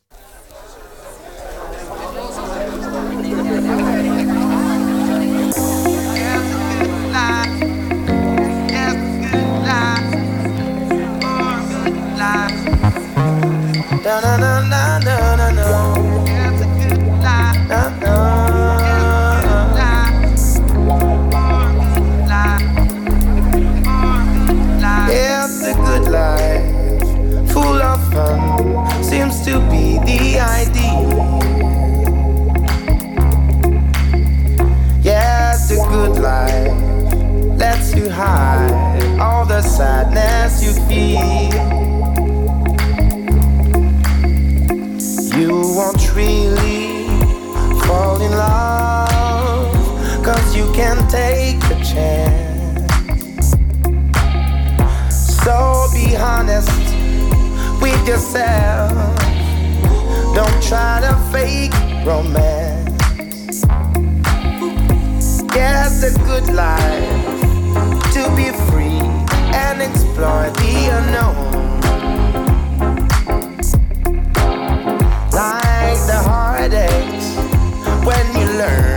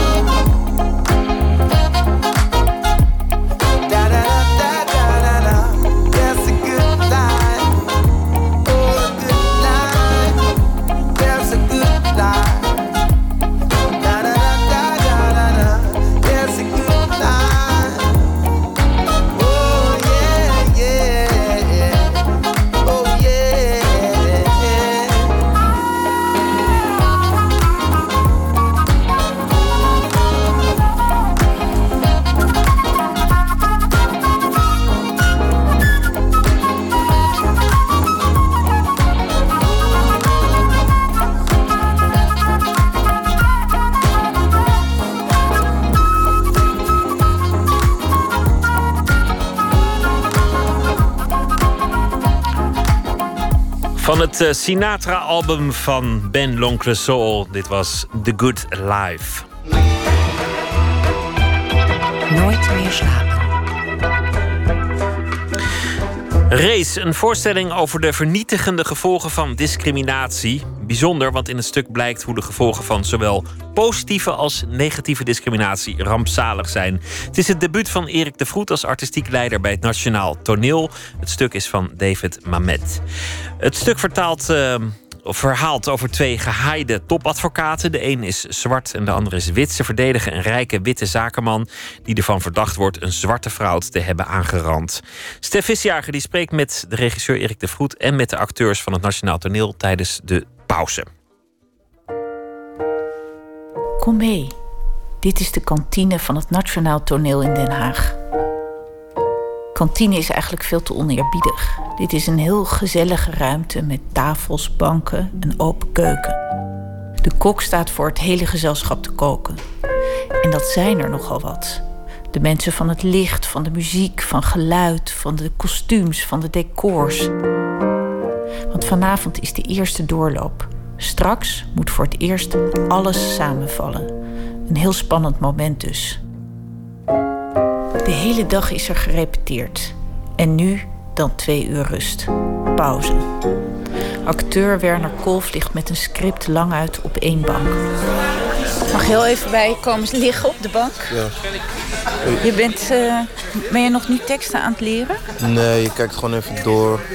Dus niet per se op de tekst hoor. Dus ik kijk gewoon door het stuk. Dan weet ik van oké, hier zeg ik dit. Dan moet ik even opletten dat ik daar de klemtoon zet of whatever, weet je. Of dat het naar een andere hoek loopt? Of... Ja, precies. Dus gewoon, ik neem het stuk nu gewoon in mijn hoofd door. Door middel van de tekst. Acteur Hein van der Heijden doet een dutje op de andere bank. Mark Rietman zit alleen aan een klein rond tafeltje met een groot bord pasta. Hij wil niet praten om zich te kunnen concentreren voor straks. Aan een lange tafel zitten de jongens en meisjes van het toneelbeeld een spelletje te doen. En de bedoeling is dat je als enige overblijft. Ja, want dan heb je de brief, de love letter aan de prinses. eh, Ik wacht op de regisseur, Erik de Vroet. Erik maakte furoren met zijn gezelschap Mighty Society. Daarvoor schreef hij zelf de vlijmscherpe maatschappijkritische teksten. De laatste jaren werkte hij als regisseur bij toneelgroep Amsterdam en nu wordt hij de nieuwe artistiek leider van het Nationale Toneel in Den Haag. Race is zijn eerste regie, maar hij is druk en hij wil eigenlijk nog geen interview. Omdat ik dus... ik ga het nu heel aardig zeggen voor jou. Omdat ik dus de hele tijd vanaf 's ochtends al loop te vergaderen hier. Gaat het Dus eh, goed met je? Nee. Ja, jawel, jawel, heel goed. maar het is, daarom kan ik je nu niet jou spreken. dat is het ding. Dat ik nu moet eten. Dus het Als er interview nog gaat eten is, nu niet ik. door. Is er nog eten? Is nog heet, is nog heet. Na een bord pasta gaat het beter met Erik de Vroet. Hij komt bij ons zitten, aan de grote tafel. En hij vertelt hoe hij te werk is gegaan met dit stuk. Dat is in eerste instantie een deel analyse. Gewoon een dramaturg inlezen op het stuk, inlezen op Mehmet, inlezen op zijn achtergrond. Bijvoorbeeld, een heel belangrijk ding is... het stuk is opgedragen aan iemand. Dat schrijft hij aan het begin, namelijk Shelby Steele. Dan denk je, ah, dat zal vast een neef zijn die overleden is recent. Nee, dat blijkt een Amerikaanse filosoof te zijn... die veel geschreven heeft over uh, positieve discriminatie. Dus dat is ook wel heel erg een belangrijk punt in de voorstelling. Dus daar, daar lees, je dan, lees ik me heel erg op in. Maar vervolgens ga ik heel snel over naar de, uh, ja, analyse van het stuk... en mijn fantasieën daarbij en mijn beelden die ik erbij krijg. En natuurlijk het hele in kaart brengen van het debat van nu. Inderdaad, het racisme-debat in Nederland. En daar helpen ook mijn dramaturg mee. Van ja, wat speelt er nu en hoe wordt erover gesproken? En dan ben je dus niet bezig met, maar ik moet wel een andere invalshoek vinden en het uh, anders doen dan de uitvoeringen die er al zijn. Nou, dit stuk is Ehm, maar één keer, één keer opgevoerd hier in Nederland. Uh, door uh, in de Bali. En was een soort geassigneerde reading van, door John Leerdam gedaan. Maar die heeft maar drie keer gespeeld. Dus in die zin hadden we niet veel in, bekende concurrentie of bekende voorbeelden. Het is wel veel in het buitenland gespeeld. Amerika is heel veel gespeeld, ook op Broadway, maar ook door, door Amerika. In Duitsland is het gedaan een aantal keer. Wat me daar wel in opviel is, en dat is inderdaad wel waar ik me eigenlijk gelijk van probeer te distancieren in stuk. Waar natuurlijk in Amerika en in Engeland ook zitten ze heel erg ook in theater vast in een soort theaterrealistische traditie. En dan is het heel duidelijk een advocatenkantoor uh, nagebouwd met houten meubelen en uh, een heel klassieke inrichting. En is het echt in het realisme wordt het gespeeld. En ik dacht meteen toen ik het stuk las van nee, dat op die manier dan ja, dan blijft het stuk niet goed overeind. Volgens mij moet het, moeten we het veel meer spelen als, eh, ja, waar we het, we het nu noemen, als een advocatenshow. Het is niet, het is, dat het in een advocatenkantoor speelt, als bijna eerder een citaat, dan dat het echt aan een advocatenkantoor speelt. Het speelt zich gewoon op toneel af met, het, met dit publiek, wat bijna als jury wordt behandeld. En als ja, de jury is die moeten oordelen over de zaak. En over hoe deze advocaten de zaak aanpakken. En wie schuldig is en wie niet schuldig is. En dus het is eigenlijk eerder we proberen het dus ook echt neer te zetten als een, uh, een, verleidelijke show. Waar, waarin zelfs ook shownummers in zitten. Uh, muziek en dans. Maar ook uh, bijna een soort stand-up comedy-achtige toon ook in zit. Maar dat is niet alleen omdat we leuk willen zijn. Maar vooral omdat we het publiek heel erg willen betrekken bij de voorstelling. En dat is geen interactie. Geen, mensen hoeven niet bang te zijn voor publieksparticipatie. Dat niet. Maar wel het publiek is de jury. Die moet beslissen eigenlijk of deze man schuldig is. En vervolgens ook of racisme niet heel erg een rol speelt in het advocatenkantoor en wie daaraan schuld eventueel is. Is het een, uh, een pessimistisch of een optimistisch stuk? Nou, het, ja, beide zou ik denken, maar ik wil per koet koet dat het positief eindigt. Maar dat wil ik eigenlijk inbrengen zonder dat het misschien echt in het stuk zit. En ik, ik zie dat eigenlijk. Kijk, wat, wat er best pessimistisch aan is, is. Je kan straks zeggen, ja, we gaan dan mensen iets meer plaatsen bieden in een bijvoorbeeld in een theatergezelschap of in een bedrijf. Positieve discriminatie. Nee, zegt David Mamet. Want dan krijg je heel veel averechtse effecten die ook weer heel negatief zijn. En misschien het racisme zelfs wel weer bevorderen. Uh, dus, dus men het laat zien van er zijn geen makkelijke oplossingen en de discussie nog veel ingewikkelder en dieper dan je, dan je denkt. En uh, tegelijkertijd, uh, wat, wat, wat, positief eigenlijk is, volgens mij laat zien, of wat ik wil dat laat zien, is dat deze mensen op toneel, deze vier mensen, twee zwarte mensen, twee witte mensen, het wel aangaan met elkaar. Dingen zullen veranderen.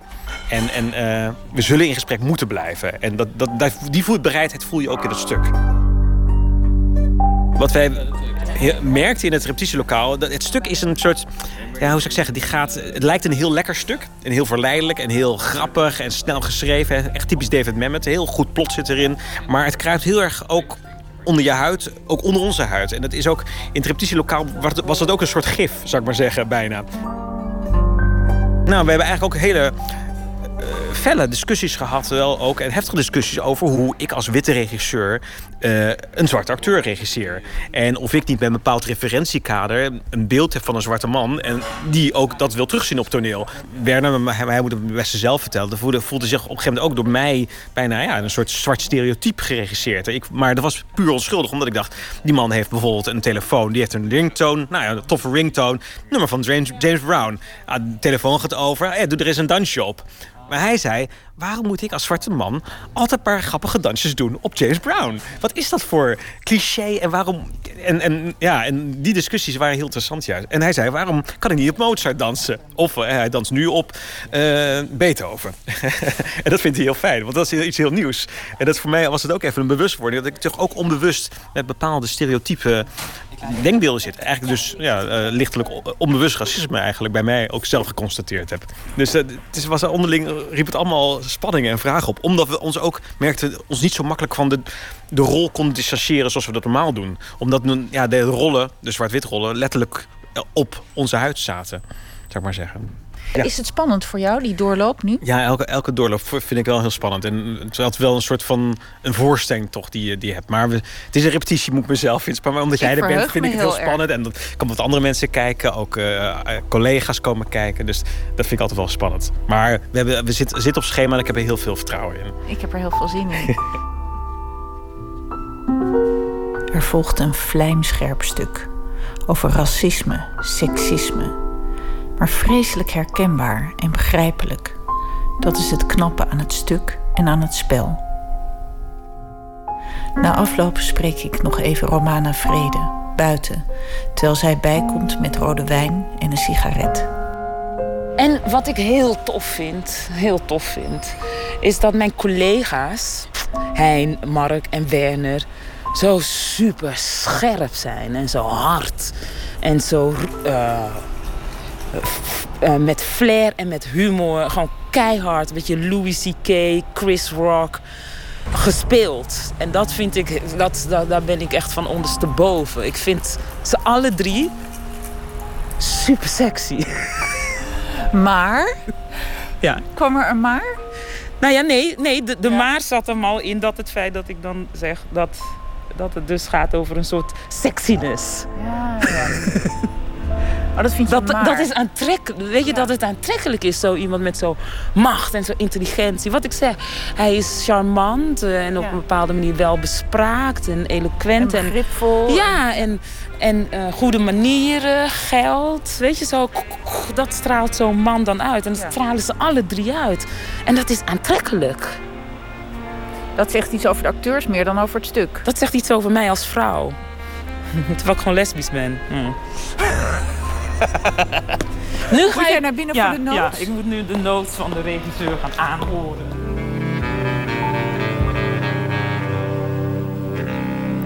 Race. De komende dagen zijn de try-outs eh, te zien. 5 november is de première en de reportage was gemaakt door Stef Visjager. Zijn schoonvader Johnny Cash nam het als eerste op. En dat werd ook meteen de bekendste uitvoering van The Beast in Me. De componist heeft het zelf ook uitgevoerd. En die versie gaan we beluisteren. Dit is Nick Lowe met zijn versie van The Beast in Me. The beast in me is caged by frail and fragile bars. Restless by day and by night, ransom rages at the stars. God help the beast in me.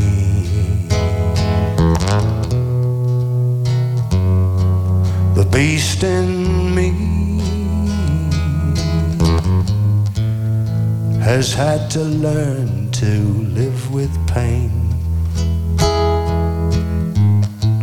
and how to shelter from the rain. And in the twinkling of an eye, might have to be restrained. God help the beast in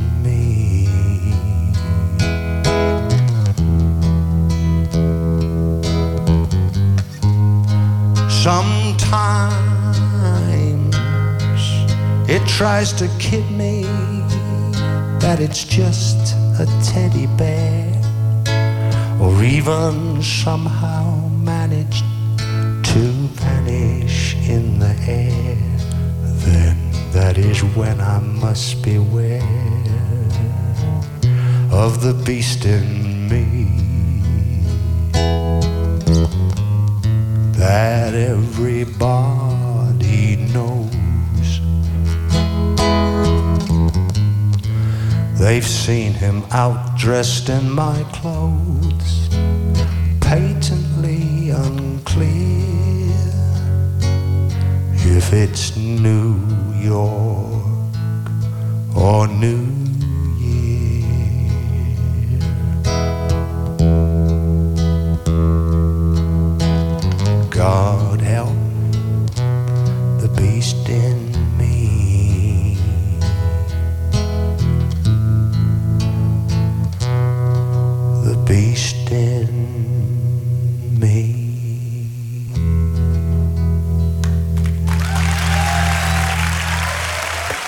Het duistere, oncontroleerbare beest dat ieder in zich draagt. The Beast van Nick Lowe. Open kaart. 150 vragen, elk op een kaart. En de gast trekt zelf vragen. Dat is eh, de opzet. Sharif Nasser is hier. Regisseur en scenario-schrijver. Maakte verschillende korte films, comedieseries, videoclips en commercials. En voor het project 48 Hour Film Rotterdam maakte hij vorig jaar in 48 uur tijd een korte film, Phobia. Die won verschillende prijzen. Samen met zijn eh, broer, schrijver en acteur Ramsi Nasser verfilmde hij 21 gedichten. De titel daarvan was Dichter draagt voor. En uh, komend weekend is het Da Bounce Urban Film Festival in Amsterdam. En daar zal Sharif Nasser acht jonge filmmakers begeleiden bij het maken van een korte film. En dat allemaal in het kader van het project Urban Film Talent Traject. Welkom uh, traject, moet je denk ik gewoon maar zeggen. Sharif, hartelijk welkom. Ja. Het Debuff Filmfestival ja. komend weekend vindt plaats met, met allemaal films. Um, met een, gekleurde achtergrond. Films die anders misschien wel nergens zouden draaien. Onder meer een, een nieuwe biopic over Miles Davis. Een, film over uh, Oeganda. Een documentaire over de Black Panthers. En zo heel veel meer. Heel gevarieerd uh, programma. En dat is uh, komend weekende te zien in Amsterdam. Een van de projecten is het begeleiden van jonge filmmakers... in het kader van het Urban Film Talent traject. Sharif, jij gaat filmmakers begeleiden. Het waren er acht, het zijn er geloof ik nu nog twee... Ja. Wat, wat, ga je precies doen? Wat ga je ze leren? Uh, nou ja, uh, ze zitten natuurlijk op verschillende niveaus, uh, stappen ze daarin. Maar ik begeleid ze in een traject waarin ze uh, op het einde van het traject een, een korte film gaan maken. en voor die tijd begeleid ik ze zeg maar, individueel. eigenlijk in het proces waarin ze begeleid willen worden. Dus op ieder niveau pakken dat apart aan. Maar dat ja, het is eigenlijk een soort stoomcursus om zo snel mogelijk uh, ze te leren hoe ze daar uh, erin kunnen staan. Dus dan kan je echt denken aan hoe, hoe schrijf je een script, maar ook hoe ga je met acteurs om, hoe, ga, hoe neem je een casting af. en vervolgens zelfs tot aan het montageproces waarin je ze helpt. Zo'n korte film is in, in een aantal opzichten veel moeilijker dan een lange film, omdat je, dat je in heel weinig tijd heel veel moet laten gebeuren. Jij bent er inmiddels aardig ervaren in, want je, je hebt er meerdere gemaakt. Vorig jaar in 48 uur een korte film maken. Ja. Dat klinkt als een ondoenlijke opdracht. Uh, ja, ik heb het nu inmiddels heb ik drie keer meegedaan aan 48 Hour Film Project. Elke keer zeg ik weer, ik doe nooit meer mee. Maar uh, uiteindelijk, er zit een soort rush in, wat ook wel weer heel bevrijdend is. Uh, maar wat ik wel geleerd heb, is om het echt heel klein te houden en er eerder een slice of life van te maken dan echt een heel uh, een verhaal met een begin, midden en een einde waar je echt een, iets wil afronden. Ik hou zelf vaak van een soort slice of life waar je een gevoel hebt van een begin en een einde, maar wel waar het nog door blijft gaan uh, in, in, in je hoofd. Je, je komt ergens in iemands leven en jij gaat er ergens weer uit, maar dat leven gaat gewoon door. Ja, het is vaak een situatie dat veel meer vertelt over iemands leven. Moet je in die 48 uur dan ook alles schrijven, bedenken? Uh de acteurs werven. Moet je alles in 48 uur doen? Uh, de, de acteurs, uh, die uh, zet je wel vast van tevoren en de locatie. En meer verder, je weet bij god niet welk genre je gaat trekken. Dus het kan echt zijn dat je een comedy trekt of een horror of romantische film. dat kan echt van alles zijn. dus ja, het enige wat je, wat je kan voorbereiden zijn die mensen want, en, en de locatie. Want ja, er zijn iets van 14 genres. En dan krijg je ook nog een voorwerp en, en uh, een, een verplichte zin en een personage dat in voor moet komen. dus ja, je, het beste is om daar heel open in te stappen. En dat allemaal om te voorkomen dat je stiekem al iets achter de hand had. Al die, eh, al die voorwaarden. Dat, je, dat je daar niet mee kan sjoemelen. Je maakte iets, zo, een eh, vrij hilarisch verhaal werd het over twee stadswachten op een segway die door de stad eh crosten en, en zo dingen meemaakten. Wat, wat zijn nou de, de, de regels eigenlijk van het genre van de korte film? Wat, wat zou je aan die jonge makers in ieder geval meegeven? Wanneer is het goed? Eh, ja, eh, nou ja, dat is natuurlijk verschillend. Maar eh, nou ja, wat ik wil meegeven zelf is gewoon hou het altijd simpel. Probeer niet een enorme speelfilm in te vertellen, maar vertel gewoon een klein verhaal. En met niet te veel locaties. Ja, houd het gewoon klein. Heel goed kiezen wat je, wat je in essentie wil vertellen. Ja. En niet eraan voorbij gaan. Want dan, dan maak je het jezelf onnodig moeilijk. En de kijker trouwens ook. Ja, zeker weten. Ja, Zullen we beginnen met, met de kaarten? ja, ja Hier zeker. zijn ze. Ik, ik wil je vragen om er één te trekken en de vraag voor te lezen. Van welke collega zou je nog wat kunnen leren? Eh, ja, nog even denken. Dat vind ik wel interessant, want jij geeft nu een masterclass aan jong talent op dat festival. Maar als jij zelf zo'n masterclass zou mogen uitkiezen bij, bij een regisseur, wie zou dat dan zijn? Ik denk toch Christopher Nolan wel. Ja, ik vind het een hele fascinerende maker. Die, eh, net als ik wel eens eh, erg perfectionistisch is. Maar toch slaagt in altijd, zelfs in hele commerciële films, toch altijd een eh, enorme artistieke waarde erin te behouden. Dus dat vind ik, ik, vind- ik vind het zelf wel een fascinerende maker. Wat vond je zijn beste film? Want ik heb, ja, ik heb die eh, Batman-film natuurlijk heel vaak gezien, The Dark Knight. Maar even kijken, ik vind. eh, Dat was wel een meesterwerk in zijn genre, toch? Ja, vond ik zeker. Ja. En eh, ik zit even. Nou ja, die, die, die ruimtefilms, ik even te denken. Interstellar. Oh ja. Interstellar, ja. Ja, Interstellar, dat vond ik een, een erg. een ja, erg fascinerende film. Hoe die je gewoon weet te grijpen en gewoon de, de rust durft te behouden in die hele film. Eh, en je gewoon mee te nemen. Ja, ik, ik, vond dat, ik vond het zelf wel fascinerend dat iemand weer eh, ja, gewoon, gewoon het publiek puur visueel kan meetrekken in iets. En, en daar ook de tijd voor durft en mag nemen. Ik vond het een machtig film, maar ik vind het ook wonderlijk dat jij die noemt, omdat je zelf. We hebben het dan. jou- jouw eigen werk bestaat voor een heel groot deel uit korte films. En dit is juist een film van wat, wat duurde die? Drie uur, drieënhalf uur. Ja, nou ja, het is niet dat ik geen lange film wil maken. Het is gewoon eh, lastig om die gefinancierd te krijgen. Ik ben wel met meerdere plannen nu bezig. Waarvan ik hoop dat dat gewoon eh, snel eh, zal lanceren. Ja, één, één, één film waar ik nu bijvoorbeeld mee bezig ben... dat is voor Rotterdam I Love You. Dat is eigenlijk een opvolger van New York I Love You en Paris Je T'aime. Maar dat is dus wel weer een, een, een film waarin meerdere regisseurs... dus elf regisseurs gaan dan een lange speelfilm maken in Rotterdam. Waarin eh, ja, twaalf liefdesverhalen, eh, of nee, elf liefdesverhalen spelen zich in die stad af. En ehm, ja, ik ga daar het verbindende verhaal maken. En ik, ja, er zijn dus elf regisseurs, waarvan dus eh, tien grote internationale namen. Dus van Nederlands tot, tot echt ja, internationale namen die. Die allemaal veel speelfilms op hun naam hebben staan. Ja, en, en ik. ik ben dus die elfde. Eh, en dat, ja, ik, ik- dat wordt een ontzettend avontuur. Dat, dat wordt inderdaad machtig. Met, met Paris Tem vond ik prachtig dat ze, dat ze hele andere kanten van die stad belichten. Verhalen die niks met elkaar te maken hadden. Ook allemaal een andere filmtaal. En dat het toch één geheel werd. Al, Ja. die, al die hoofdstukken. Ontzettend, ontzettend mooi gedaan was dat. Ja, precies. En in, in dit verhaal ga ja, om, ik ga dus ook dat verbindende verhaal maken. Dus wel om te proberen om het.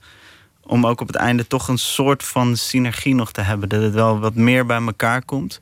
Eh, dus ja, ik ben heel benieuwd hoe het gaat ook met zoveel regisseurs. Die allemaal he- hele drukke agendas natuurlijk hebben. En ook grote internationale acteurs. Maar eh, ja, eh, dat avontuur gaat zeer snel van start. Het is al aan de gang, maar Mooi project. ja. Zullen we nog een kaart doen? Ja, graag. Oh, wanneer verloor je je onschuld? Ja. ja, dat was toch wel vrij vroeg in mijn puberteit. Ja, ik ging, ik ging toen steeds met. eh, ik, ik zocht altijd wel een beetje het gevaar toen ook op. Zo, met een hele naïeve. In welke blik. zin? Welk, welk gevaar? Ah, ja, eh, ja, wat doe je in je puberteit? Eh nou ja, fe- feesten, maar daardoor ook drugs. En ehm, eh, ja, eh, ontzettend foute vrienden die, waarvan ik zou denken, daar zou ik nu nooit meer waarschijnlijk gaan stappen. Maar, en ja, dan kom je best wel in hele rare situaties soms ook terecht. En dit was allemaal Rotterdam, hè, waar, waar jij op ja, dit, dit is Rotterdam, ja. ja, ja. En, eh, maar dat is op één manier onschuld. En net toevallig vandaag eh, las ik het fantastische nieuws eh, dat voor mij het meest lelijke woord in de Nederlandse taal allochtoon en, nou ja, en daarbij ook autochtoon verbannen gaat worden uit de Nederlandse taal. Dus dat, daar, was ik heel blij mee. Want ik kan me nog heel goed herinneren toen ik in de horeca werkte, een klant mij eigenlijk een keer vroeg: Ja, maar u bent toch allochtoon? En dat ik zei: Nee, ja, ik ben hier geboren en getogen. Eh, dat zei: Ja, maar uw ouders. Ik zeg: Nou ja, mijn, mijn moeder is hier ook eh, generatie op generatie gewoon eh, Nederlander. Maar ja, mijn vader, ja, die komt uit het buitenland. En, toen, en dat reactie was: Ja, dan bent u allochtoon. En dat toen voor het eerst een besef bij mij kwam van: Ja, maar waar ben ik dan autochtoon? En dat was een soort kleine scheur die toch wel heel erg veel invloed heeft gehad op mijn eh, vanzelfsprekendheid dat ik Want je- Nederlander was. Je wieg staat ergens, je kijkt omhoog, weet jij veel dat het Nederland is en dan groei je ergens op. En dan, dan vele jaren later vertelt iemand je ineens van ja, je, je- hoort hier wel thuis, maar niet helemaal. Je, je bent een allochtoon. Nee, en vooral hoe, dat hij dat lachend zei en ze gelijk wilde halen. En ik dacht, ja, maar jij raakt hier een ontzettende kern van mij aan. Want dat betekent dat ik iets nooit kan zijn. Ik kan nooit ergens autochtoon zijn, terwijl ik me hier het meest thuis voel. Ik ben eh, ver, ver- ver- ik weet, ontzettend eh, Nederlands. En, en in één keer, ja. eh, Want in Egypte zou je nog veel allochtoner zijn, om maar wat te noemen. Dus, dus er nergens staat je wieg zozeer en Nee, en in liggen je ankers zo uit. ja. helemaal. En, en ik bedoel, het is echt een. dus het was, het was iets heel raars wat dat met me deed wel. Dat woord, dat, dat, dat eigenlijk de dikke van Dalen dat bepaalt. En, eh, en, en het is een woord wat in verder geen enkele andere taal bestaat. En dus dat, eh, dus ik, ik ben in ieder geval blij dat dat woord is afgeschaft. Dat dat hopelijk niemand meer overkomt. Dat we, dat we daarvan verlossen. hoe, is, hoe is eigenlijk het filmmaken in jouw leven begonnen? Wat, wat was eigenlijk eh, de manier waarop je met film in aanraking kwam en dacht: dat moet mijn beroep worden? Wa- Wanneer heb je voor het eerst dat, dat ook op jezelf betrokken als een, als een mogelijk beroep? Nou ja, toen ik klein was, had ik altijd al een. Ja, ik was een, een stuk jonger. Ik, ik scheelde zeven jaar met mijn, eh, met mijn eh, broer. En, eh, en ik, ik weet, als wij bijvoorbeeld gingen wandelen in het bos, dan liep ik altijd een beetje achteraan. En dan had ik een fictieve televisiezender in mijn hoofd. En die zond echt uit naar een fictief publiek. En dan was ik altijd al in een soort series en zo. zat ik verwikkeld zelf. En ik speelde alles uit. En ik liep door de bosjes, ging van het pad af. En ik zat dan in. Wat, toen had je bijvoorbeeld Tour of Duty, wat toen heel erg speelde. Zo'n eh, eh, zo'n oorlogsserie. En ja, dan ging, dat ging, ik een heel nieuw lijntje bedenken. En dan was, zat ik helemaal in een oorlog en zo. En dan op een gegeven moment, ja, waren we bij de auto, hoorde ik... Sherif, we gaan. En, en dan ging ik heel snel een cliffhanger bedenken. En, en daarmee eindigde ik. En dat moest ik dan de volgende keer ook echt afmaken. Want mijn fictieve kijkers gingen weer kijken. En ehm, ja, ik denk dat daar een beetje gestart is. En toen ik een beetje zoekende was van wat ga ik nou straks doen. Want ik was, zoals ik net al zei, een beetje vervelende puber. Eh, ik wist een 9 tot 5 baan zal het waarschijnlijk niet worden. En ja, mijn, mijn broer, eh, ja, Ramzin Nasser dus, die speelde in de serie eh, De Enclave. En daar, dat was een miniserie van drie afleveringen. En dat, ja, daarin had je dus een Bosnier als hoofdpersoon, een, een Serf en een, en ja, een, een leider van de Dutch Batters. Zeg maar, die, eh, ja, je zag eigenlijk van die drie perspectieven. Elke, elke aflevering had dus een van die perspectieven van hun. En daardoor werd er zoveel duidelijk gemaakt. Gewoon in drie afleveringen. Ik vond het zo krachtig gedaan. Dat ik toen dacht van wauw, wat, wat een ont- ontzettend krachtig medium. En ik, ik wist dat ik verhalen wilde vertellen ja, met dat medium. En eh, dat ik het dus ook daarvoor wilde gebruiken, voor dat soort verhalen. En het is nu ook een kanaal om, om je verontwaardiging in iets om te zetten. Als jij je ergens over verontwaardigt, dan, dan kun je dat vervolgens omzetten in een film of een, of een project. Ja, dat hoop ik wel. En ik hoop het niet als een soort boze maker te doen. Want ik, gebru- gebruik ook graag humor als wapen. Omdat ik denk dat je eerder geneigd bent te lachen om je eigen eh, tekortkomingen dan, eh, dan er echt op gewezen te worden eh, door iemand. Het is vaak fijner om er zelf op te reflecteren, al lachende. Ehm, dus eh, ja. Eh, maar ik, ja, maar ik, zal, ik, ik wilde, ik zal denk ik niet snel meer iets zomaar voor vermaak maken. Dat is wel iets waar ik. te- er speelt de laatste tijd te veel dat ik eigenlijk dat niet meer zou kunnen. Gewoon maar een film maken om, om alleen maar te lachen. Ja, wel in om, opdracht of zoiets, maar. eh, niet, niet vanuit jezelf. Nee. Komend weekend eh, dus een, masterclass in het eh, kader van het Urban Film Talent Traject. En eh, het festival is ook nog gaande rond de Westergasfabriek in Amsterdam. Het Debuff Festival. Dankjewel, Sharif. Ja, graag gedaan. Van 4 tot en met 6 november, de Bounce Urban Film Festival Amsterdam. Komende donderdag treedt ze op in Paradiso. Dat is al uitverkocht. Ze komt uit Kopenhagen. Zangeres Agnes Obel heb ik het over. Haar nieuwe album heet Citizen of Glass. En dit is het eh, prijsnummer It's Happening Again.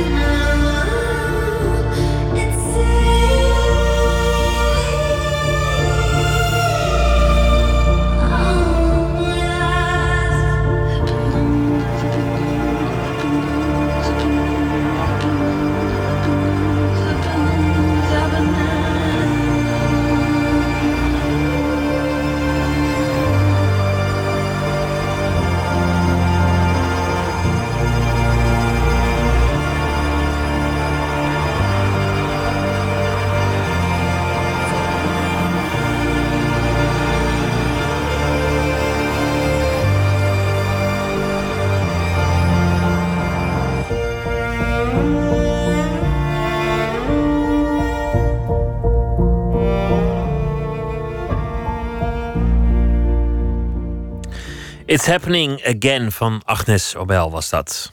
Nooit meer slapen. Het festival The Guess Who in Utrecht, opgericht door Johan Gijssen en Bob van Heur alweer tien jaar geleden. Ze hebben het eh, weten te maken tot een van Nederlands meest vooruitstrevende festivals. Ze programmeren vooral nieuwe bands die nog niet zozeer heel bekend zijn in alle genres: experimentele pop, elektronica en rock. Ze werken daarmee samen al sinds jaar en dag met curatoren. En dit jaar hebben grote acts als Wilco en Julia Holter ja gezegd op de vraag of zij ook een favoriete lijstje wilden doorsturen. Bob van Heur zal deze week eh, voordragen wat de curatoren allemaal hebben ingediend als acts. En belicht een aantal bands die ten onrechte nog niet zo heel bekend zijn. Vandaag gaan we het hebben over de Amerikaanse band Wilco en hun favorieten. Wilco is wel een eh, hele speciale, eh, denk ik, voor Who. Ik en mijn mede-oprichter Johan, we kennen elkaar al sinds dat we 12 zijn. En we zijn echt opgegroeid met Wilco en eigenlijk nog de band voor hun Uncle Tupelo. I know that I'm on no. I'm never totally right. I'm gonna walk away slowly. Instead of bidding good night, another goodbye. Ik groeide op in, eh, in Midden-Limburg. Johan kwam uit Roggel, ik kwam uit Heidhuizen. In, in Roggel lag de Shore in Roggel. Altijd de mooiste naam voor een concertpodium. Eh, en, Hoe? Ja, de Shore in Roggel. ja, precies. Eh, in het Nederlands is dat waarschijnlijk anders te vertalen. Stichting Jongeren o- o- ontwe- o- Opleiding eh, Roggel of zoiets was het. En dan, in Heidhuizen lag de Tom Tom Café. En daar speelden heel veel Americana roots eh, bands gedurende de jaren.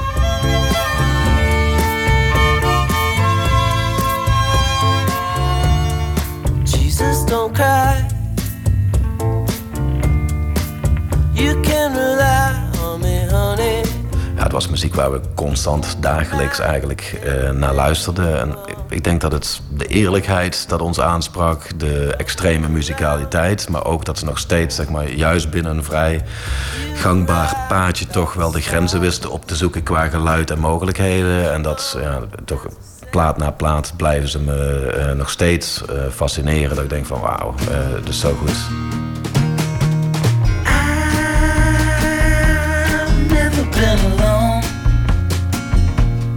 enough dat het voor het oude Who publiek van de afgelopen twee jaar misschien wel een vrij nette band is. Maar eh, dus, ja, van alle bands die nu op het moment toeren, is het misschien wel een van de allerbeste live bands. Is een band, eh, ik zou, zou bijna een muzikantenband willen noemen. eh, want elke muzikant die daar naar het podium staat, zal weggeblazen worden van de, de muzikaliteit in de band. Waren gisteravond toevallig live op een livestream van de show in Brussel. En dan uiteindelijk zit ik en dacht van, kijk even vijf minuten. Maar dan uiteindelijk ben ik toch de hele show uit aan het kijken. En omdat je gewoon weggeblazen wordt van hoe belachelijk goed eh, die band in elkaar zit. Het is een jazzdrummer, het is Nels Klein van de Nels Klein Singers op gitaar. Misschien wel een van de allerbeste gitaristen ooit. Eh, ja, het is gewoon de combinatie van alles bij elkaar dat, eh, dat, dat Wilco maakt. Afford to play. Ja, ik kan er eh, heel lang over praten, want het is, eh, na tien jaar hadden we ook wel zoiets van... ja, dit is de perfecte zeg maar, om je festival mee te openen. En eh, ja, toen we hun vroegen als curator en ze zeiden ook nog ja... toen was het feest helemaal compleet. Natuurlijk ben je nerveus van wat is de reactie, maar uiteindelijk... nee, heb je een ja, kan je krijgen. Dus uiteindelijk ik heb gewoon een mailtje naar het management gestuurd. En... eigenlijk vrij snel kwamen ze terug van eh, ja, ze, ze, hebben er, ze, ze vinden dit wel goed. Ik denk dat Wilco misschien wel 60 namen door heeft gestuurd uiteindelijk. Eh, en daar moet je een selectie in gaan maken. Een van de muzikanten die zij graag wilde zien is een Malinees. Ja. Baseku Kuyat en eh Ngoni Ba.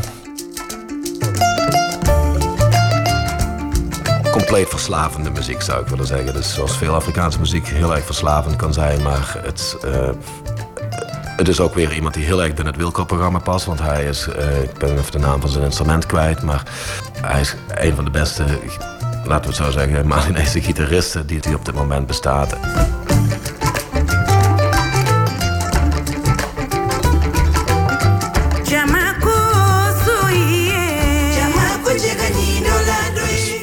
Compleet fascinerend van begin tot einde. Dus Afrikaans, dus het swingt heel erg. Eh, het heeft een bepaalde cool eh, erin.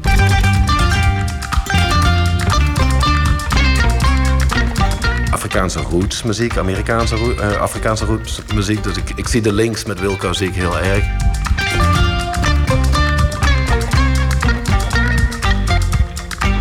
Ja, een ander op het Wilco-programma is William Tyler. Dat is een artiest die ik al echt heel vaak inmiddels heb gezien. En die me elke keer weer omver blaast van wat je alleen op een gitaar kan. Hij zingt niet, het is instrumentale muziek. Vroeger heeft hij bij Lamshop gespeeld, een band van Kurt Wagner. eh, wat natuurlijk ook een heel erg muzikantenband is, waar het kwalitatief gewoon echt heel goed musiceren is. Eh, hij komt echt uit die Nashville-cultuur. Ze heeft een, een goede country eh, swing in zijn eh, mu- muziek zitten. Hij laat je dingen horen dat je denkt van dat kan niet alleen uit Eindman komen. En hij gebruikt geen loops. Eh, het is vrij ongelooflijk om te zien van wat hij doet.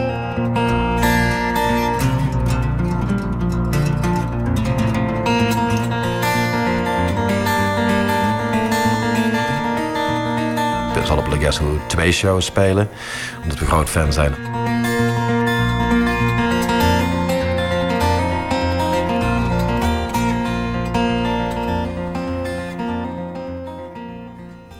Le Guess vanaf 10 november in Utrecht. 82 jaar oud is hij inmiddels, Leonard Cohen. Hij heeft een nieuw album, You Want It Darker. En zo heet ook dit nummer.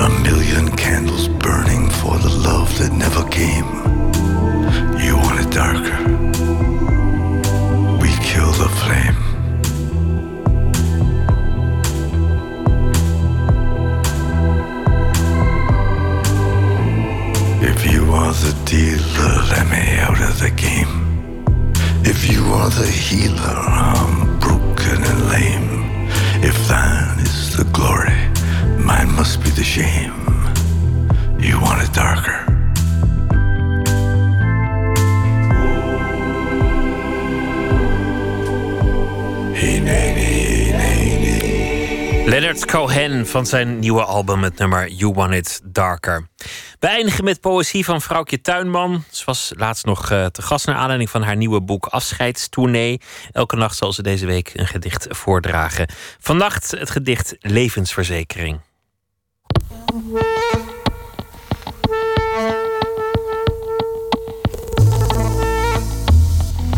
Levensverzekering. Belangrijker dan de hamer onder je stoel de instructie die niemand leest. Het klittenband lijkt aantrekkelijk, maar laat uiteindelijk los. Dan valt het ding nog voor jij zelf verongelukt. Neem dus de schroeven, draai ze links of boven in. De man op het plaatje glimlacht zoet voordat hij zijn hand opheft en slaat. Er staat niet bij dat je nooit de vooruit nemen moet, want die heeft extra lagen. Heeft iemand je dat uitgelegd? Waarschijnlijk niet. Ik kocht een hamer en ik ben te laat. Dit gedicht lees ik heel zelden voor. Het is een soort van een vervolg op twee bundels die ik schreef na de dood van mijn beste vriend en zijn partner. Die zijn met een auto eh, te water geraakt en verongelukt. In het jaar na die dood haalde ik mijn rijbewijs en kreeg ik van drie mensen een veiligheidshamer. Voor in de auto om je ruit kapot te slaan mocht je te water raken. Of om wat voor reden je dan ook de ruit van de auto kapot zou willen slaan. Ik had er drie en elke gebruiksaanwijzing van elke hamer zei iets anders. Over waar je hem moest ophangen en bevestigen in de auto. Hoe je hem moest gebruiken. En iedere gebruiksaanwijzing bevatte plaatjes van volstrekt serene mensen.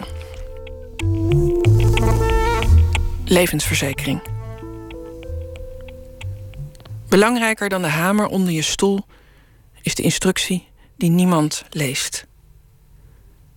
Het klittenband lijkt aantrekkelijk, maar laat uiteindelijk los. Dan valt het ding, nog voor jij zelf verongelukt. Neem dus de schroeven. Draai ze links of bovenin. De man op het plaatje glimlacht zoet voor hij zijn hand opheft en slaat. Er staat niet bij dat je nooit de vooruit nemen moet, want die heeft extra lagen. Heeft iemand je dat uitgelegd? Waarschijnlijk niet. Ik kocht een hamer en ik ben te laat. Levensverzekering, een gedicht van vrouwtje Tuinman. Zij schreef het uh, en zal morgen weer een gedicht voordragen in Nooit meer slapen. Morgen is de gast Otto de Kat. Hij heeft uh, zijn eerste boek gepubliceerd in 1998, Man in de Verte. Vier romans zijn daarna nog verschenen en het is inmiddels uh, uitgegroeid tot een heel epos. De eeuw van Dudok. Dat allemaal morgen in Nooit meer slapen. Zometeen op uh, NPO Radio 1 kunt u luisteren naar Omroep WNL met Nog Steeds Wakker. Ik wens u een hele goede nacht. Ik wens u morgen een mooie dag en ik hoop dat u morgen weer zult luisteren. Goeienacht.